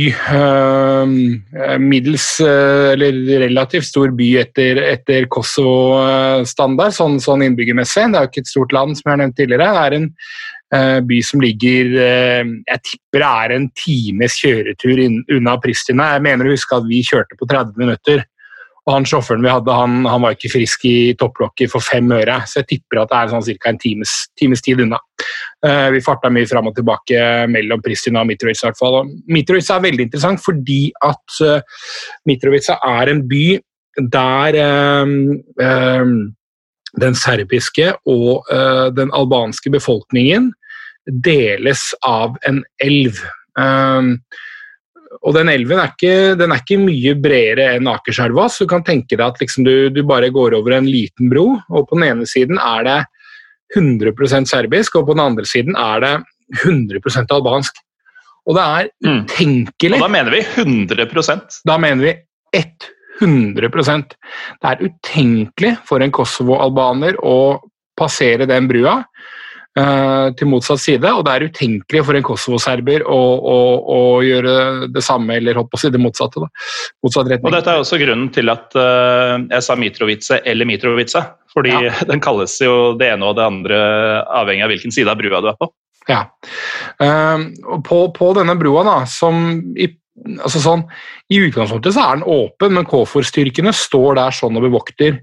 Um, og Da jeg var på besøk i Mitrovica, så tok jeg meg jo en liten spasertur. Og, og, og jeg er jo ikke vond å be, så jeg tusla over den broa. Uh, og det var visstnok helt uhørt. da. Det var sånn man bare liksom det, det, det, fortalte det til de lokale der nede, de kunne ikke tro det.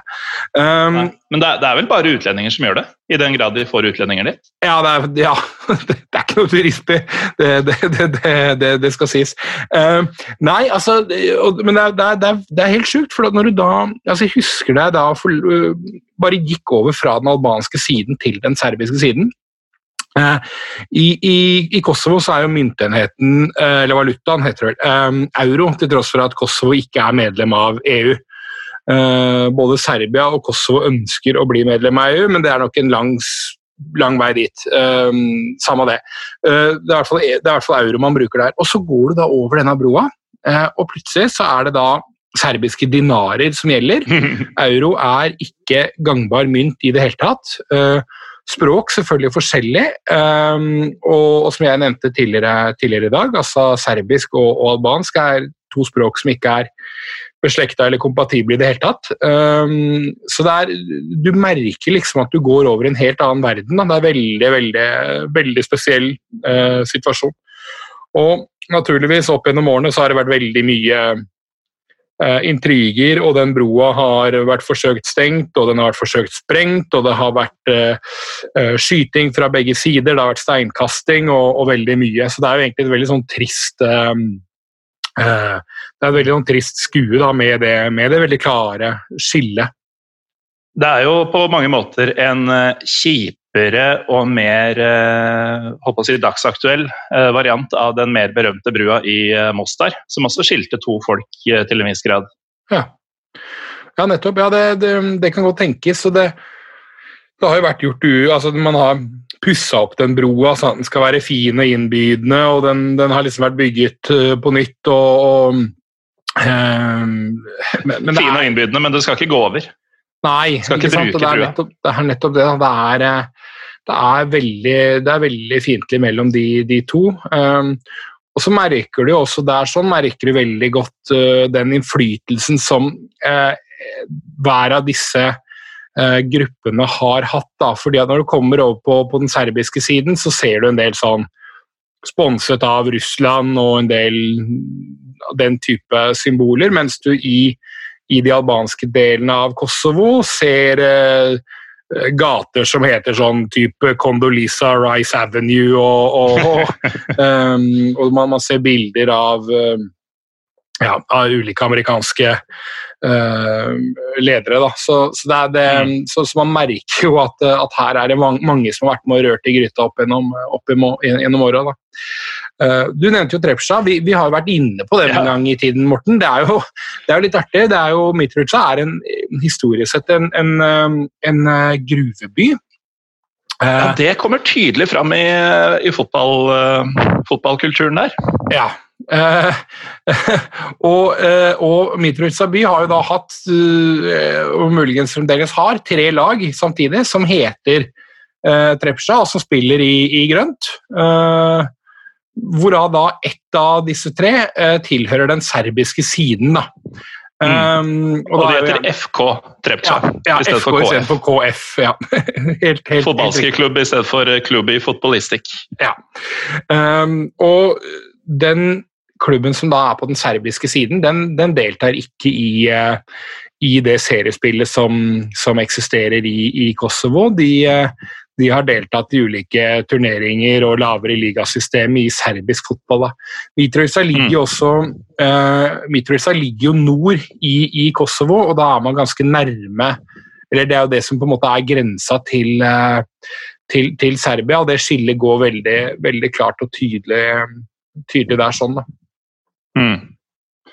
Så du har uh, FK Trepcha, og så har du da nevnte KF Trepcha 89, som er det mest uh, uh, suksessrike av klubbene der. Men du har også et KF Trepcha uten 89, uh, eh, som da er tilbake på den uh, albanske siden. Ja. Også i grønt, og alle tre klubbene har et kallenavn som er Ja, de kalles vel, de kalles vel gruvearbeiderne alle sammen, gjør de ikke det? jo, det er helt riktig. Ja. Så du har FK Trepcha, KF Trepcha og KF Trepcha 89 alle i grønt og svart, og alle er gruvearbeiderne. Ja. Fra samme by.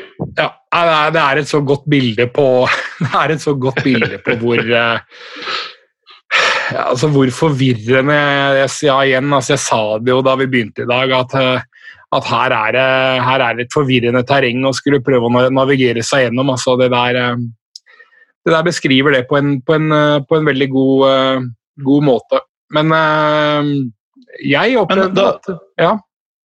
Nei, Da du var der, eh, Trym. Eh, ja, det, det, å faktisk krysse brua, altså reaksjonene fra de du var der eh, til side, hvordan, hvordan var det å faktisk gå over der? Det må ha vært surrealistisk? Ja, det var, det var jo surrealistisk. Det, det, men altså jeg var der på, på sommeren. Den, den, sommeren der nede er jo selvfølgelig, som, som folk sikkert kan gjette seg fram til, kjempevarme. og og, og stekende sol, og gikk og da kjøpte meg en pils på, på en eller annen eh, fortauskafé på den serbiske siden. Da. Og da var det Jelen eller Lav, altså et av disse serbiske ølene som, som, vi er vant til å drikke når vi er på turer til Beograd, Morten. Hadde du med deg dinarer?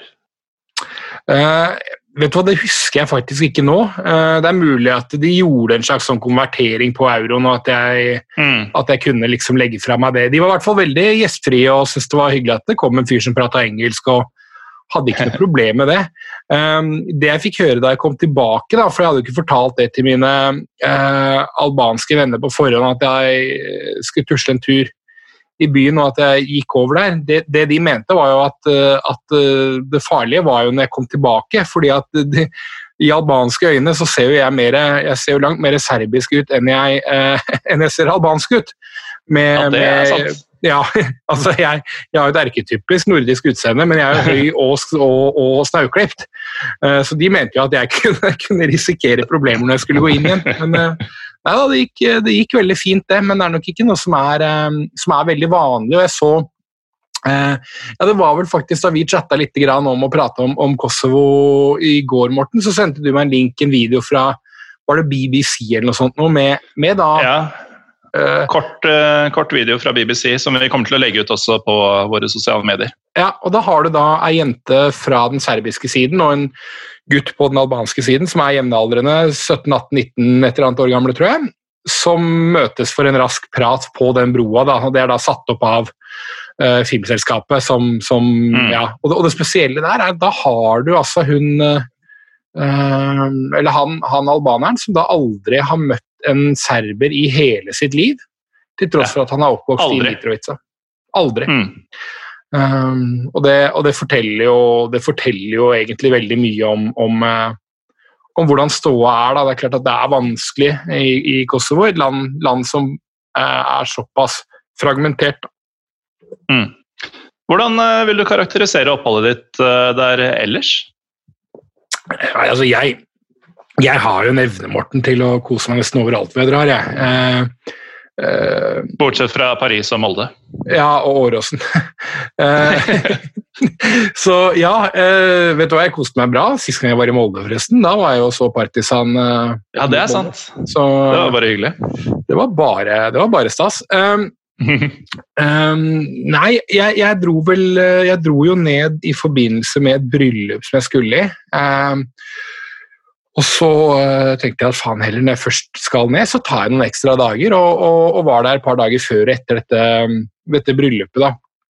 Eh, Kosovo-albanske bryllup eller albansk bryllup er jo i seg selv en ganske sånn omfattende greie. Jeg husker vi måtte uh, Vi kjørte i sånne kolonner, noen hel konvoi, liksom, med uh, familien og menn, eller mennene i familien da, og, og venner.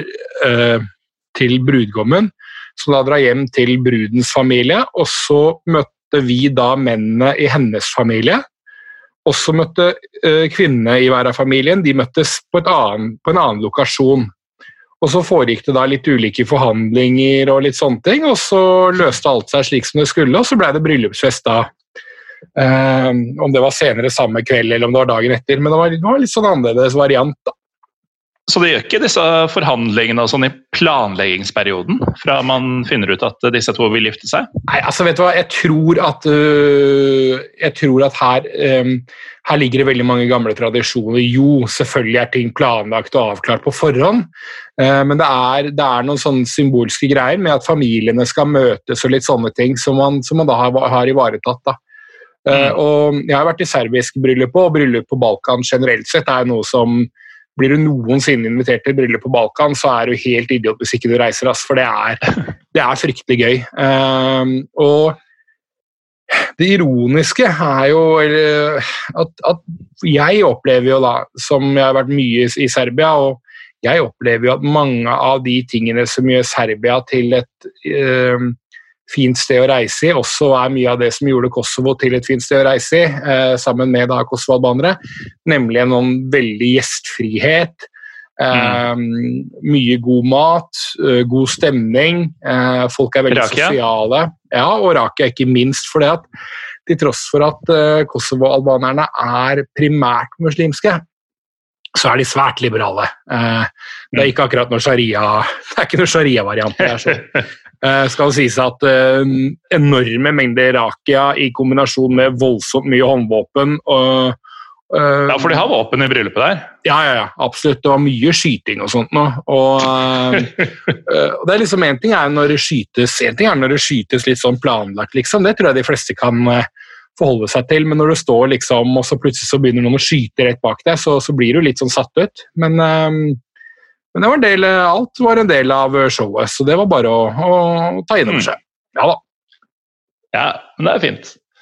Men uh, vi har jo uh, Vi skulle jo egentlig fjase litt mer om det i starten, men det glemte vi litt. Men uh, dette koronaviruset det har jo også treffet Kosovo. Ja. I hvert fall mener vi det. Hvordan, hvordan har de tatt, tatt, imot dette viruset nedi der? Ja, nei, altså det er jo det er jo Balkan har jo også blitt, eh, blitt rammet generelt, altså ikke bare Kosovo. Jeg veit at det har vært noen sånne eh, protester mot, eh, mot styresmaktene i, i, Kosovo nå i det siste, hvor de hver kveld klokka åtte så står folk og dundrer på stekepanner og kjeler og annet for å, for å mm, ja, på en måte vise at de ønsker at det skal gjøres mer. Um, og så vet jeg at jeg også har gjort en del tiltak. Eh, men jeg har jo, jeg har jo en del venner både i, både i, Serbia og Kosovo, og det de også har til felles, er jo en voldsom trang for å eh, formidle konspirasjonsteorien. Eh, you don't say. Ja, og jeg, jeg, jeg, tipper at alle lytterne våre også nå liksom føler på den der jævla usikkerheten som hele koronahelvetet er. Eh, man veit ikke hvor lenge det skal vare. Man har alle sammen har noen i nær familie eller relasjon som man tenker at er i risikogruppe. Man er redde og usikre. Det tror jeg liksom er, er noe de fleste av oss føler på nå. Da. Så det er jo litt sånn lett å få litt paranoia på det. Jeg skjønner det. For jeg må innrømme at jeg uh, jeg blei litt bitt av den konspirasjonsteorien jeg fikk servert av en av mine venner derfra i går. altså. Uh, Fra er, altså Kosovo-albaner eller serber? Nei, det, denne, denne gangen var det en serber. Han har vært nevnt i Pyro Pivo før, vi trenger ikke å nevne han nå, for teorien er så ellevill. Uh, men det er da det er da uh, slik at um, For det første så har det jo vært mange andre koronavirus tidligere. Det er jo ikke noe unikt i seg selv. Og Da er mm. spørsmålet da hvorfor, um, hvorfor, er, hvorfor behandles dette annerledes så hadde de da observert at eh, Eller de hadde ikke observert månen på mange dager. Eh, månen har ikke vært synlig på den serbiske himmelen eh, på flere dager. De mener rett og slett at eh, månen er borte, og at hele dette koronagreiene selvfølgelig da bare er et slags hoax. Da, at det egentlig er noe helt annet dette handler om. Uh, jeg prøvde å grave litt mer og liksom merka liksom, faen at uh, dette her hørtes jo ganske dette hørtes ut som en ganske alternativ teori, uh, jamført med hva vi hører på norsk TV og, og, og hva vi blir fortalt her. Um, Men tenk litt over det, Trym. Har du sett månen på en stund? Og det, er det, og det er det jeg skal til, skjønner du, Morten. Det er det som er så jævlig sjukt, fordi at jeg som alle andre nå har jo noia som faen, ikke sant? Så etter at jeg hadde ledd litt uh, av den elleville teorien, så gikk jo sola ned i går kveld. Og så tenkte jeg fader Jeg ble litt sånn ble litt sånn rastløs, altså gikk jeg ut og prøvde å finne månen. Den var faen ikke der, altså. Jeg måtte gå ut på begge sider. Jeg bor jo i sentralt i Oslo by. Jeg måtte liksom gå ut på begge sider av blokka her. Har faen ikke sett månen. Um, så jeg veit ikke, men jeg begynner å, begynner å tenke at kanskje, at kanskje det er noe her. Massiv kanskje, kanskje disse folka har rett? Ja. Eh, de, har ofte, de, har ofte, ikke hatt det tidligere, da. det skal sies, for å betrygge lytterne litt. Men eh, vi får jo oppfordre folk til å gå ut og se om de observerer månen. For eh, her hadde han også satt i sving liksom, Han har prata med noen venner i Canada. For serbere, og for så vidt Kosovo, eller albanere, da, har jo familie over hele jævla verden. ikke sant? Uh, mm. Hvis noen snakker med en serber eller en albaner, så har han familie i alle verdens land. Han. Det er Ja, det er som å møte en armener. Ja, um, så um, Så han hadde jo satt i sving liksom litt ulike folk han kjente, da, bedt de gå ut og se til månen. Um, og, og foreløpig fått negative tilbakemeldinger på det både fra Australia og Canada. Men er det i denne teorien, er det, er det, noen sånn link til hvorfor denne eh, koronakonspirasjonen har noe med den manglende månen å gjøre? Eller Nei, er det altså, bare at de, de, to tingene har sammenfalt? Nei, altså, det, det er, altså det, det, som antydes, er at hele koronagreiene er en, er en uh, Det er viktig at jeg ler litt mens jeg sier det, sånn at folk ikke tror jeg er seriøs og tror på dette. her, Men det er da at det er en slags dekkoperasjon og at det egentlig handler om noe helt annet. Uh, og at det er veldig interessant at månen har forsvunnet samtidig som dette foregår. Uh, så får vi jo håpe at noen av lytterne, hvis det er noen lyttere igjen nå, kanskje hører på på kvelden og går ut og ser etter månen, og aller helst oppdager den. Altså, Vi spiller jo inn på kvelden nå, og jeg skal rett ut på balkongen så fort vi har lagt på. Ja, la det, la det synke inn. Mm. Og så skal jeg bli en sånn. Og for alt jeg veit, så kan jo jorda være flat også. Ja, det har jeg kanskje nesten enda mindre tro på, faktisk.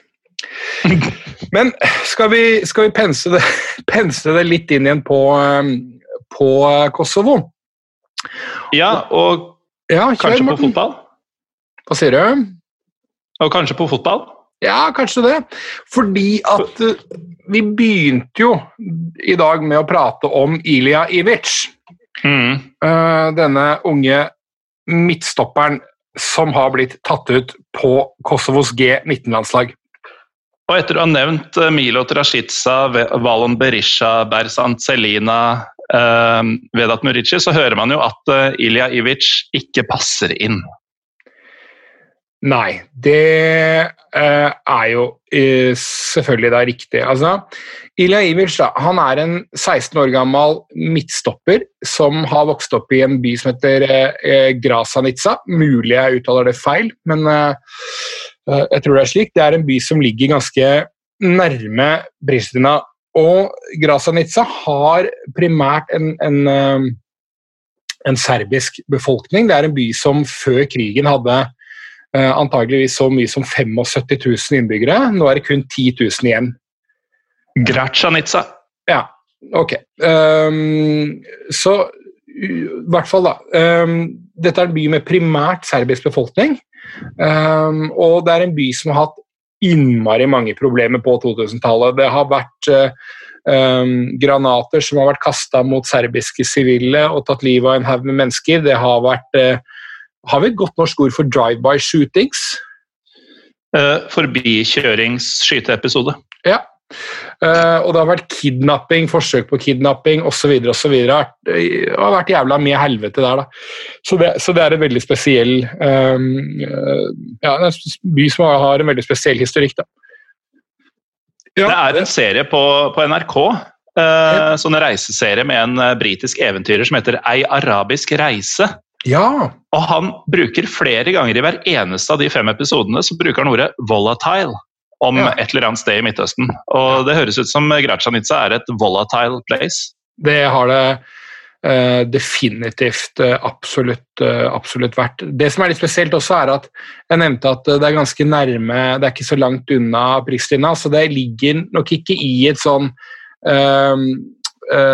primært dom, serbisk-dominert område, egentlig. Det er ikke liksom helt oppe nord, altså. Så, så, det ligger sånn sett ikke, kall det, i et beskytta serbisk område.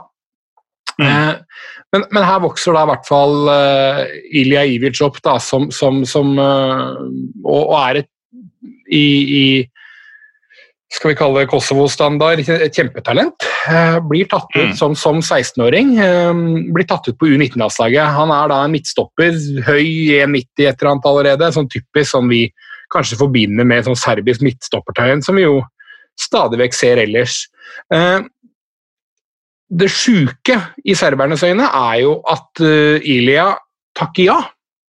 Dette her skjedde ja. i februar. Han sier at spill for Kosovos landslag, ja, selvfølgelig har jeg lyst til det. Uh, og da starter jo et helvetes spetakkel i Serbia. ikke sant? Mediene i Beograd mm. omtalte det som en bombe, og, og, og mange ser, ser på, på, Ilja som en, som en forræder. Uh, fordi at når han da takker ja til å spille for Kosovo, så er jo det det samme som at han anerkjenner, anerkjenner. Kosovo som en, som en nasjon. Uh, og det er jo selvfølgelig det er jo ironisk, eller kanskje ikke ironisk, kanskje ikke riktig ord, men det er jo interessant hvordan eh, fotball stadig vekk eh, skaper eh, en del følelser som kanskje er mindre rasjonelle enn i andre deler av samfunnet. Fordi at det er jo ikke uvanlig at mennesker med serbisk etnisitet har andre prominente roller, sitter i, det, eh, i parlamentet i Kosovo osv. Eh, man kan jo like gjerne mm. si at det er å anerkjenne Kosovo som en, som en uh, nasjon. Så, så, hvorfor er det egentlig annerledes å, å spille for landslaget? Uh, men det er nå i hvert fall de følelsene som fremkalles. da. Mm. Og, og, det er blant serberne, men uh, jeg tenker litt sånn både medspillere og, og, den albanske majoriteten i Kosovo. da. Vil de godta Ilja Ivic? Altså, vil han være en, en, som ikke passer inn, eller vil han være et symbol på at nå er vi på vei et sted? Ja, Det er jo et kjempegodt spørsmål. Uh, han snakker ikke albansk, uh, mm -hmm. men han spiller for KF, uh, Flamurtari, som, og, som du hører på navnet, et, et albansk lag i, i Kosovo. da. Uh, ja, Du hører på at K-en kommer foran F-en? Ja, og Flamur, I, i altså, Flamur også kan vel være et hint om, om ja. så, um, så, så, Det er et veldig godt spørsmål. Det er også et av de spørsmålene som jeg før vi skulle prate sammen i dag, har stilt noen av disse albanske uh, bekjentskapene jeg har i Kosovo. Ok, Hvordan er reaksjonen? For jeg visste umiddelbart hva reaksjonen var på serbisk side. Uh, men hvordan i all verden er reaksjonen blant albanere i Kosovo på dette? her sånn? Og den er stort sett, den er stort sett positiv.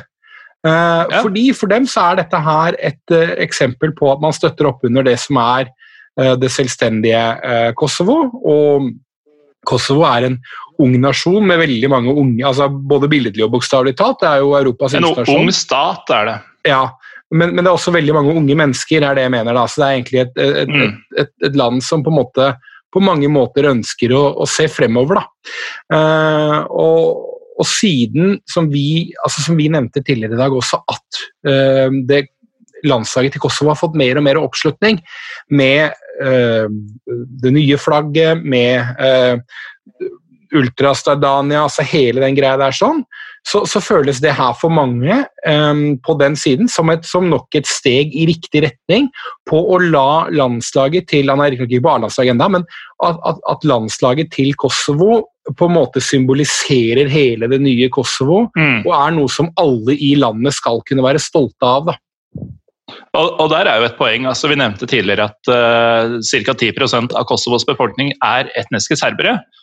Uh, overfører du det til en fotballelver, så bør det jo være én serber på landslaget. Ja, det vil si 10 er vel av de seks andre befolkningsgruppene. altså Du kan legge inn tyrkerne, bosniakkene uh, osv. Men, men ja, uh, og, og, det er jo ikke unikt det er jo ikke unikt på noe som helst måte ellers på Balkan at de ulike landslagene har, har spillere som har vokst opp i de andre landene. Eh, det ser, mm. man jo, det ser man jo på de andre eh, landslagene. og Det er også noe som, som Runar Norvik snakket om da vi snakket om f.eks. landslaget til Serbia, der man har rekruttert en del og ikke minst på, på U-landslag, hvor man har rekruttert en del fra Bosnia-Hercegovina, etniske serbere. Ja. ja. Uh, bare sånn litt bakgrunn for akkurat den påstanden er jo da at en uh, Bosnia-Hercegovina, som vi kjenner det som, eller bare Bosnia, er jo da delt inn i tre Eh, den hovedsakelig kroatiske fliken Herzegovina, eh, bosniske Bosnia og da Republika Serbska, som er eh, etniske serbere.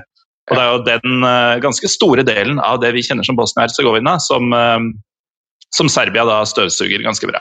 Ja. Jeg syns det der også er nok en sånn ting som, som bare beskriver så godt hvor herlig uh, uoversiktlig det egentlig er. Altså, Bosnia-Hercegovina består, altså Bosnia og Hercegovina består ikke av to, men tre deler. uh, altså det er uh, ja. Men, men, i hvert fall da, tilbake til Ilja Ivic. da. Um, det som skjer, er at mora hans, Tanja, hun hun får sparken fra jobben sin. Fordi sønnen Tanja hennes Ivic. Ja, Tanja, Tanja Ivic får, får, får sparket fra jobben. Fordi guttungen har takka ja til å, til å representere U19-landslaget til, til, Kosovo. Og Det gikk også rykter og påstander i media om at også faren hadde fått sparken fra sin jobb. Det er riktignok dementert dementert ettertid og, og, viser seg ikke å være sant, men, men, faren skal være sitert på det. Da, at han, er, han, frykter nå at han også kommer til å miste jobben. Men øh, foreldrene hans har vært uh, klare og tydelige i media på at de, de støtter sønnen sitt valg. Uh, de har også argumentert at han jo allerede spiller for et Kosovo-albansk lag, og at, at, de kun ønsker å se han oppnå hva skal man si, sin, sin drøm om å, å bli fotballproff. en annen mm. som, som, også har vært ute om Du, du, du spurte hvordan Eh, dette er vel mottatt på kosovo-albansk side. En annen som også har vært ute og, og, og gitt veldig klar støtte til dette, her, og, så, og, det forteller også hvor høyt dette er løfta, det er Kosovo sin statsminister. Eh, Albin Kurti heter han. Ja. Så han har også vært ute og sagt det at, um, at dette her er noe han støtter og syns er en bra greie. Um, så, så, så, dette har vært en skikkelig het potet uh, i februar måned, før, før uh, fotballen uh, ble, ble irrelevant. Ja. Eh, en annen artig liten kuriositet med, med Kosovo sin statsminister Albin Kurti er jo at han, han har, jo, har jo norsk kone, han. Eh, jo da, Rita Augestad Knutsen er, hans, er, er statsministerkone i Kosovo.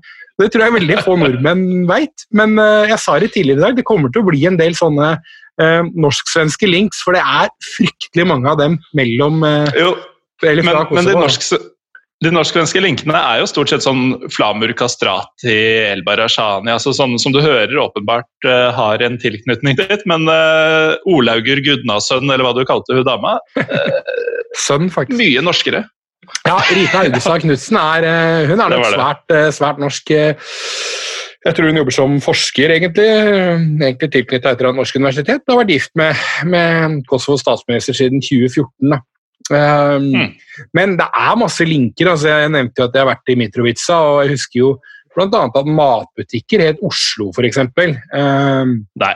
ja da, og det er klart det bor typ 20 000 uh, Kosovo-albanere i Norge.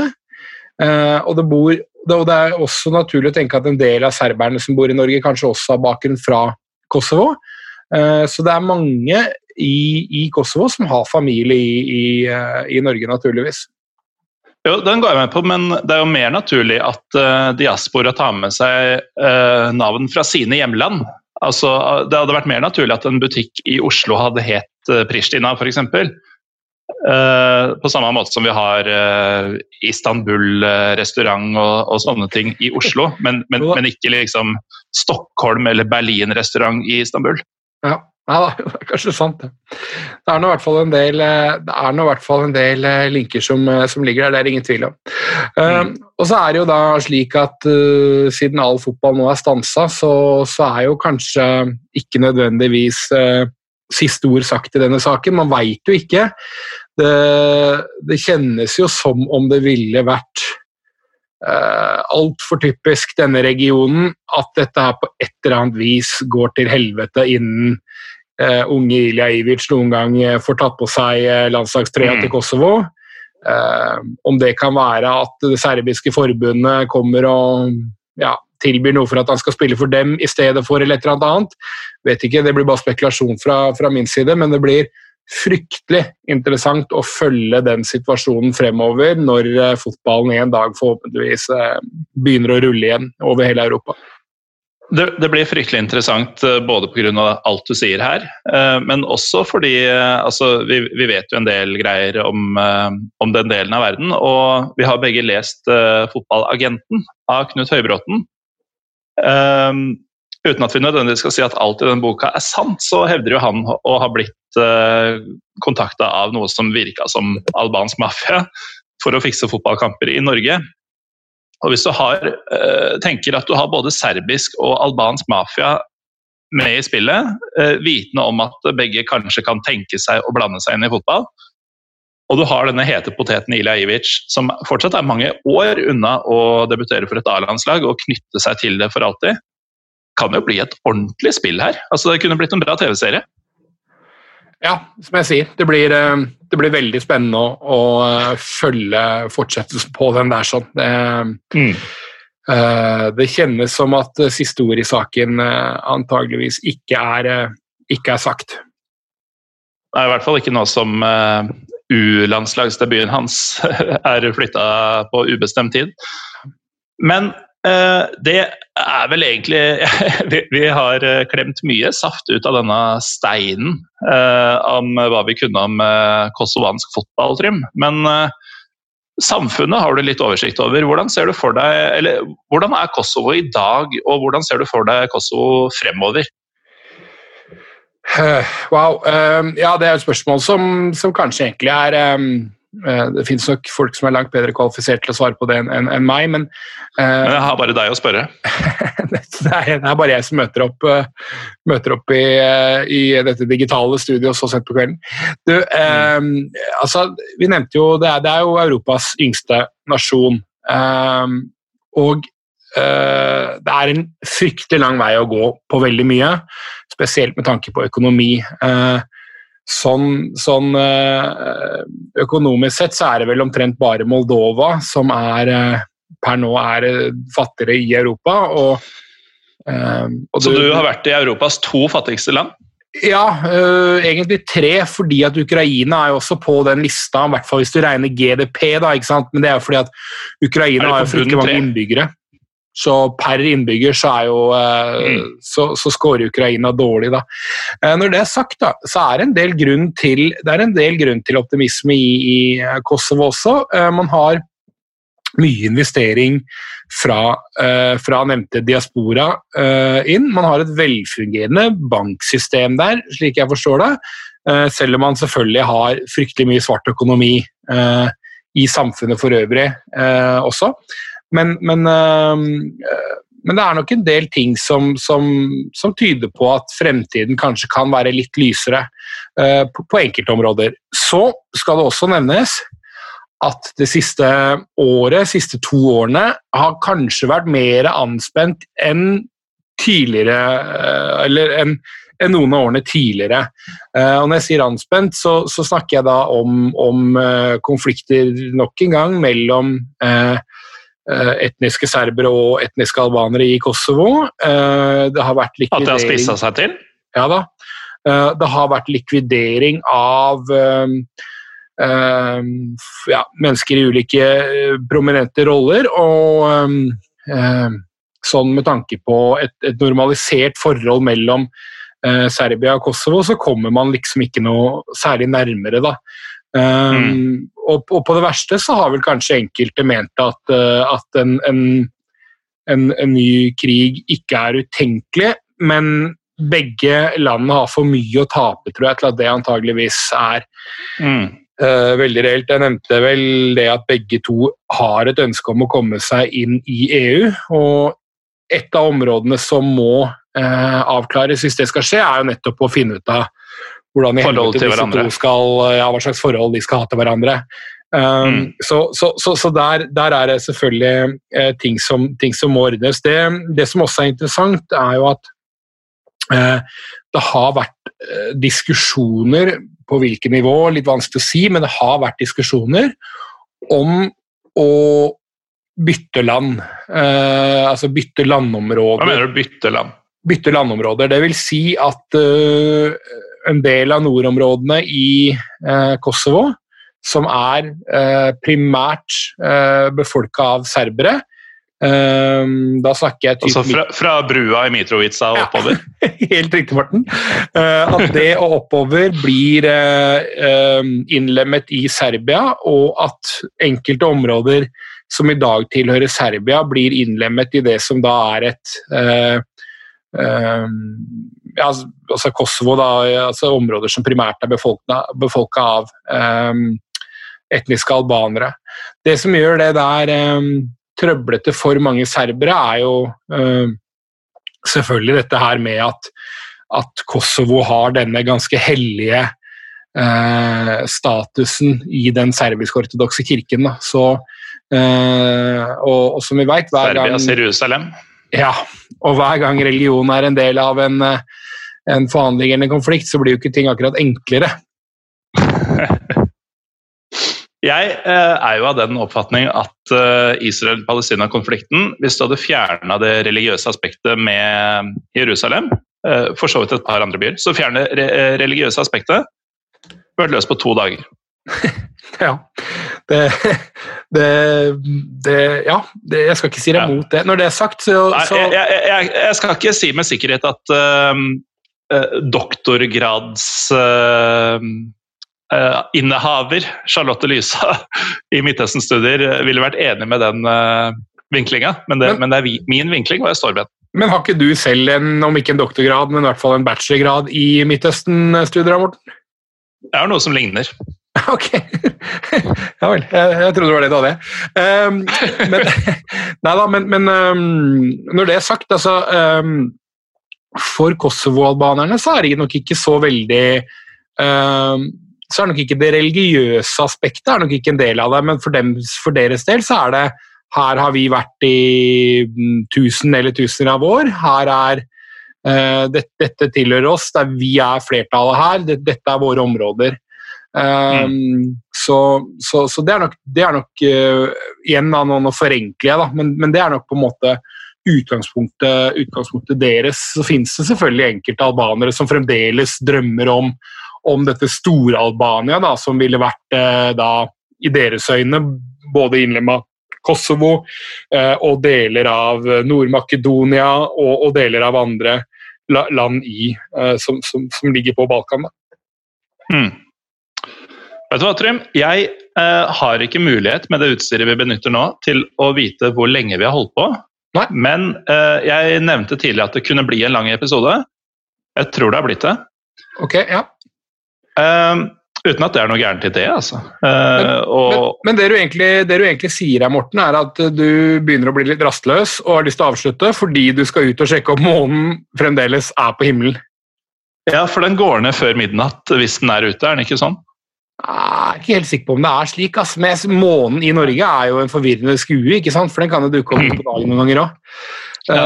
Nei, det, det jeg egentlig gjorde, Trym, var å, var å tilby deg en utvei hvis du følte at du begynte å gå tom for, eh, for meninger og, og, og informasjon om eh, Kosovo. altså, meninger går jeg aldri tom for, men eh, substansen i de meningene kan fort bli tynn.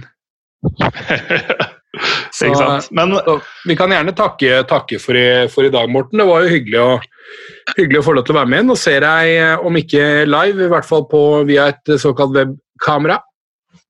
ja, altså Jeg har jo bevisst grumsa til kameraet mitt eh, litt, i tilfelle det er sånn her jeg skal omgås folk generelt fremover. Uh, og da ser litt mer uh, Eller det er, det er vanskeligere å spotte skjønnhetsfeilene mine, da, hvis Aha. det er litt sånn blurry bilde. Ok, ja. Er det en funksjon man eh, stiller inn kamera på, eller er det at du, Nei, du- smørte Jeg, Jeg smelta, smelta noe smør, og så gnei jeg tommelen eh, på det. Ja, riktig. Ja, da, men du, du, du så uforskammet godt ut, faktisk, så kanskje, kanskje det har noe for seg. Ja, det har det, skjønner du. Så Ja, hvis dette- dette er framtida, så er stiller jeg godt. Dette er jo den nye hverdagen som jeg tror mange av lytterne kjenner seg igjen nå. Dette er webcam, webkamera-helvete og, og møter og, og alt sånn foregår på den måten her. Sånn. nå. Men, men det kan spørre deg Lønningspils på webcam og sånn. Fy faen, veit du hva. Det, det blir for dumt for meg, ass. Det Ja, det tror jeg det blir.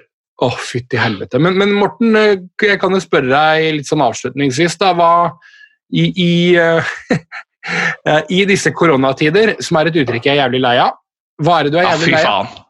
Hva er det du er jævlig lei av? Jeg er jævlig lei av folk som sier i disse koronatider.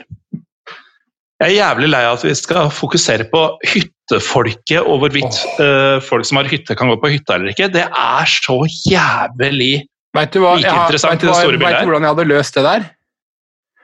Jeg hadde sagt at bare dra sprengt alle hytter. Nei, for det kan være greit med litt eiendomsskatt og annet inn i de kommunene, de hyttene er. Nei, jeg ville sagt at dra på de jævla hyttene. Men jeg hadde tatt et, et sånt tankskip og så sendt det opp til Svalbard, fylt det med isbjørner, og så hadde jeg sluppet det løs. De, de isbjørnene løs i alle hyttefelt i, i, eh, i Norge. Ok, uh, Litt mindre dramatisk variant er jo rett og slett å fjerne rett til uh, medisinsk hjelp, med mindre du hører til i den kommunen.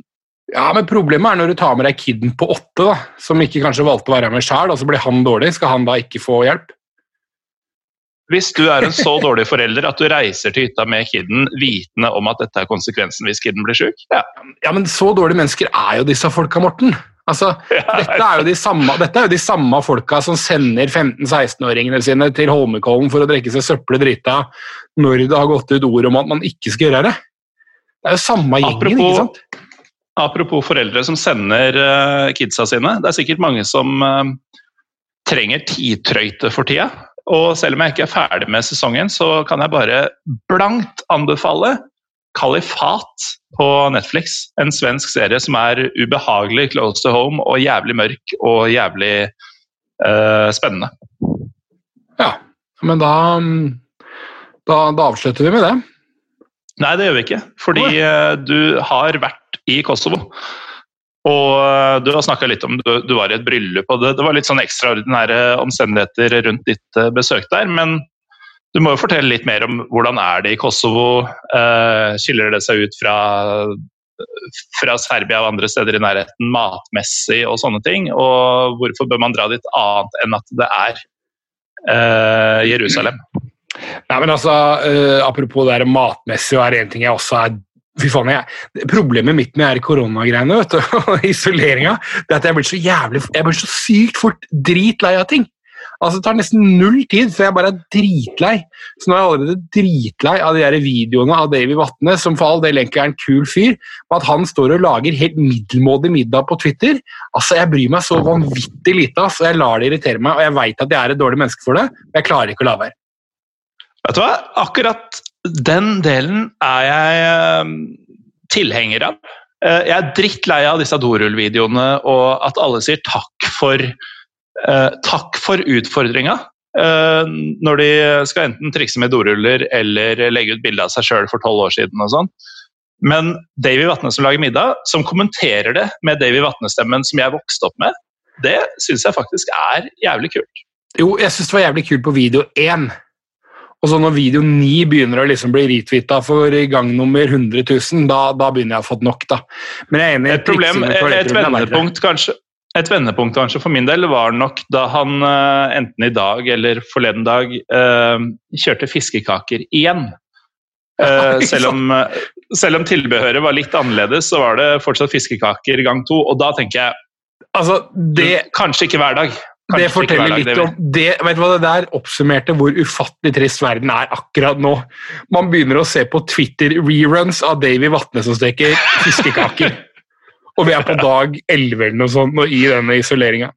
Nei da. Nei, øh, jeg er ikke skapt for dette, her, for jeg blir som sagt jævlig fort lei av alt. Men det mange ikke vet om deg, Trym, er jo at du har jo en fortid altså Hvis du først skal oute mitt uh, mer eller mindre vellykka stint som uh, Midtøsten-student, så kan jo jeg nevne at du har jo gått uh, kokkelinja på videregående. Eller i hvert fall deler av den. Gikk du hele? Nei, jeg gikk hotell- og næringsmiddelfag, og så gikk jeg videre over på salg. Så det er en svært overdrevet sannhet, det der. Jo, men, men, men, du har jo i hvert fall på Jeg har hygiene- og mikrobiologifaget og vært på et sånn, og vært på profesjonelle kjøkken, ja. Det er helt riktig. Mm. Fordi jeg eh, merker at jeg har fryktelig god tid på matlaging for tida.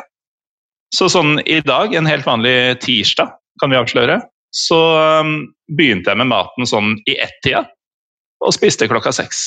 Ja, ok. Greit. Hvordan er det med deg? Du er klar over at vi fremdeles tar opp eh, Morten eh, Gallosen?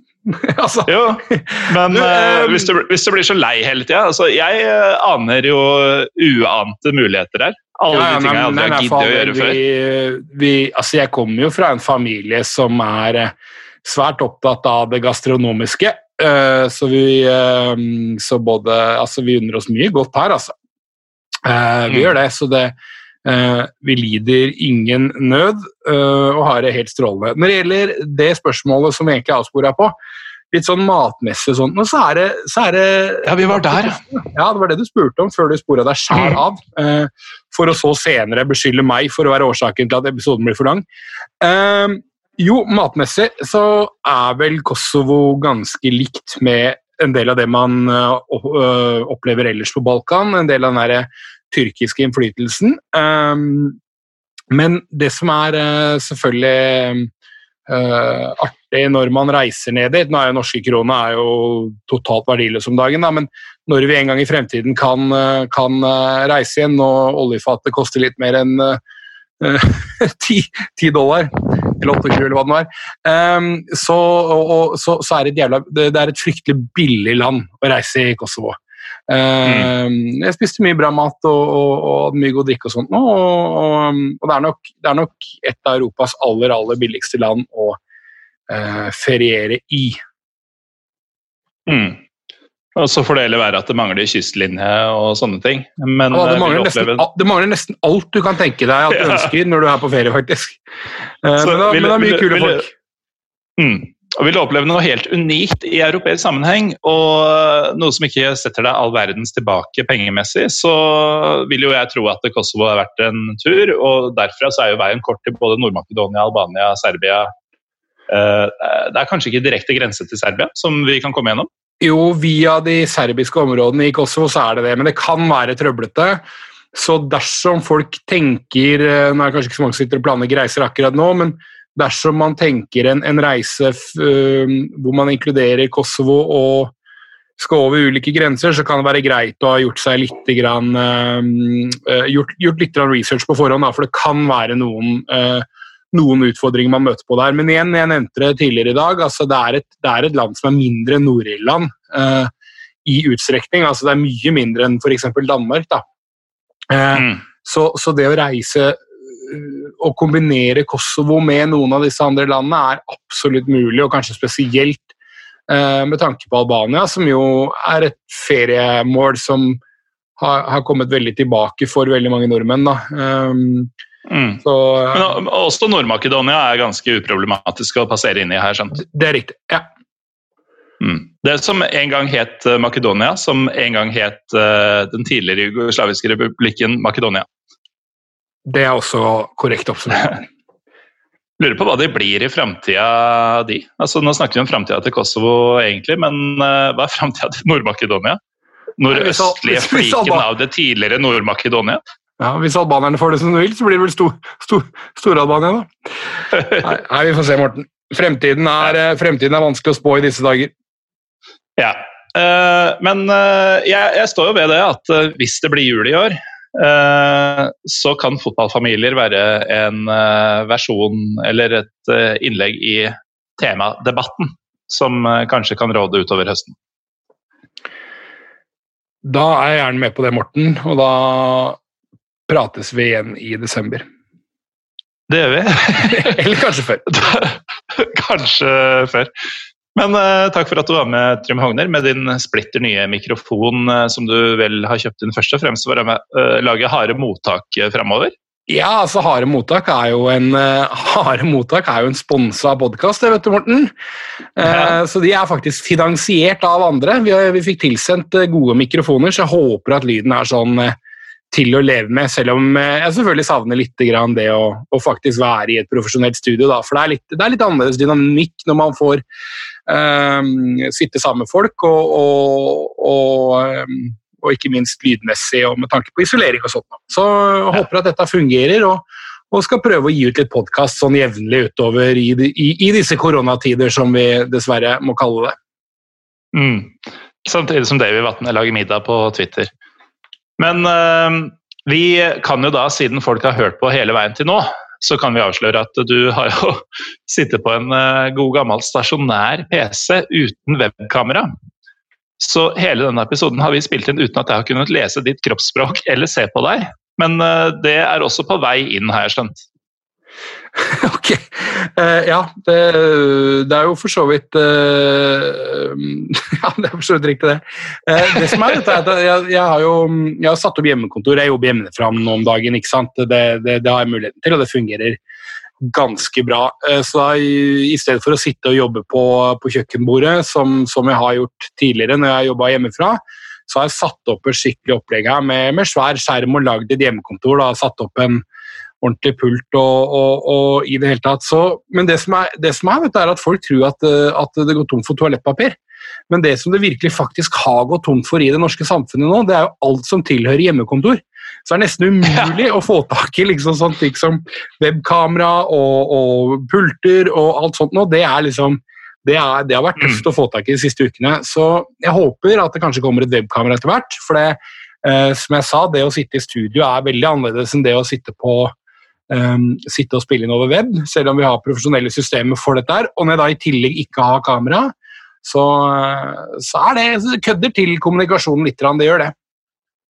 Mm. Men heldigvis har vi en såpass naturlig dynamikk at det tror jeg ikke lytterne eh, la merke til før jeg avslørte det.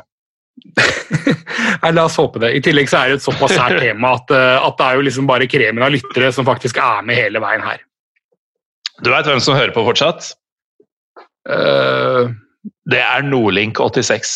Han gir seg faen meg aldri. Ja, nei, uh, men, men, la oss sende en hyggelig hilsen til alle som, eh, som, som stadig hører på. Det er, det er, jo mm. lenge siden sist jeg var med på, på Pyro og Pivo, så, så, det er gøy å, gøy å få lov til å være tilbake. Og håper at det går bra med alle de faste lytterne, og at alle tar godt vare på familien sin og ikke er fuckheads som driver og farter rundt mer utendørs enn en nødvendig. Ja, Og som ikke kjøper alt dasspapiret og alt antibac-en så fort det dukker opp i butikkhyllene igjen. Ja, det stemmer. Ja. Ok, uh, takk Trym Hogner for at du var med fra din, uh, ditt uh, splitter nye hjemmekontor på um, Er det lov å si hvor i Oslo du bor, eller? jeg bor sentralt i Oslo.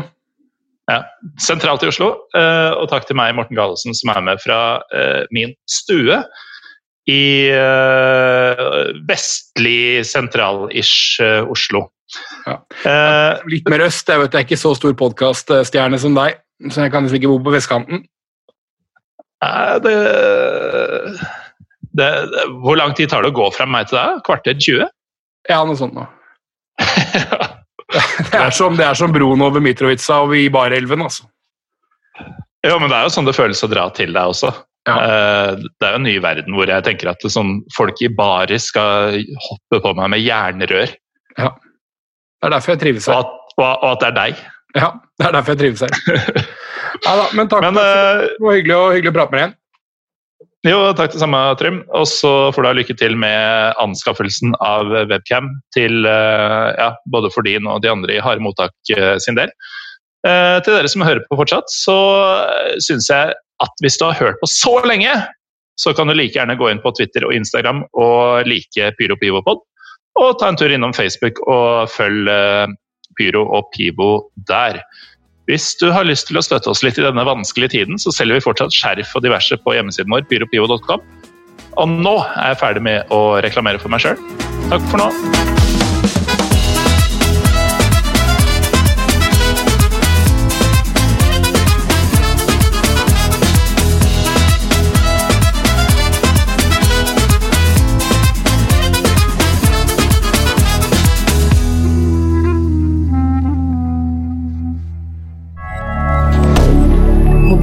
Media. Ukens annonsør er HelloFresh. HelloFresh er verdens ledende matkasseleverandør og kan være redningen i en travel hverdag. Mange av oss har nok vandret i butikken både sultne og uten en plan for middagen, som ender med at vi går for de samme kjedelige rettene gang på gang. Middag burde være dagens høydepunkt. Som HelloFresh kan du nå velge mellom 25 ulike retter hver eneste uke, eller få HelloFresh til å sette sammen menyen for deg. Dette gir deg muligheten til å prøve nye og spennende retter alene eller sammen med familien. Du velger antall porsjoner og får alt levert på døren på et tidspunkt som passer for deg. Oppskriftene er enkle, og maten er lett å lage både for store og for små. Ved å få alt levert hjem får du også mer tid til å dele matgleden med familie og venner. Kanskje det frister med asiatiske tacos eller greskinspirert kylling? Da kan jeg anbefale deg om å gå inn på hellofresh.no. Her kan du bruke koden FOTBALL og få opptil 1779 kroner i rabatt på de første fem matkastene hvis du ikke har prøvd HelloFresh tidligere. Du kan også bruke rabatten hvis du har vært kunde og stoppet abonnementet ditt for tolv måneder siden eller lengre. Gå inn på hellofresh.no og bruk koden FOTBALL. Har du et enkeltpersonforetak eller en liten bedrift? Da er du sikkert lei av å høre meg snakke om hvor enkelt det er med kvitteringer og bilag i fiken, så vi eh, gir oss her, vi. Fordi vi liker enkelt. Fiken superenkelt regnskap.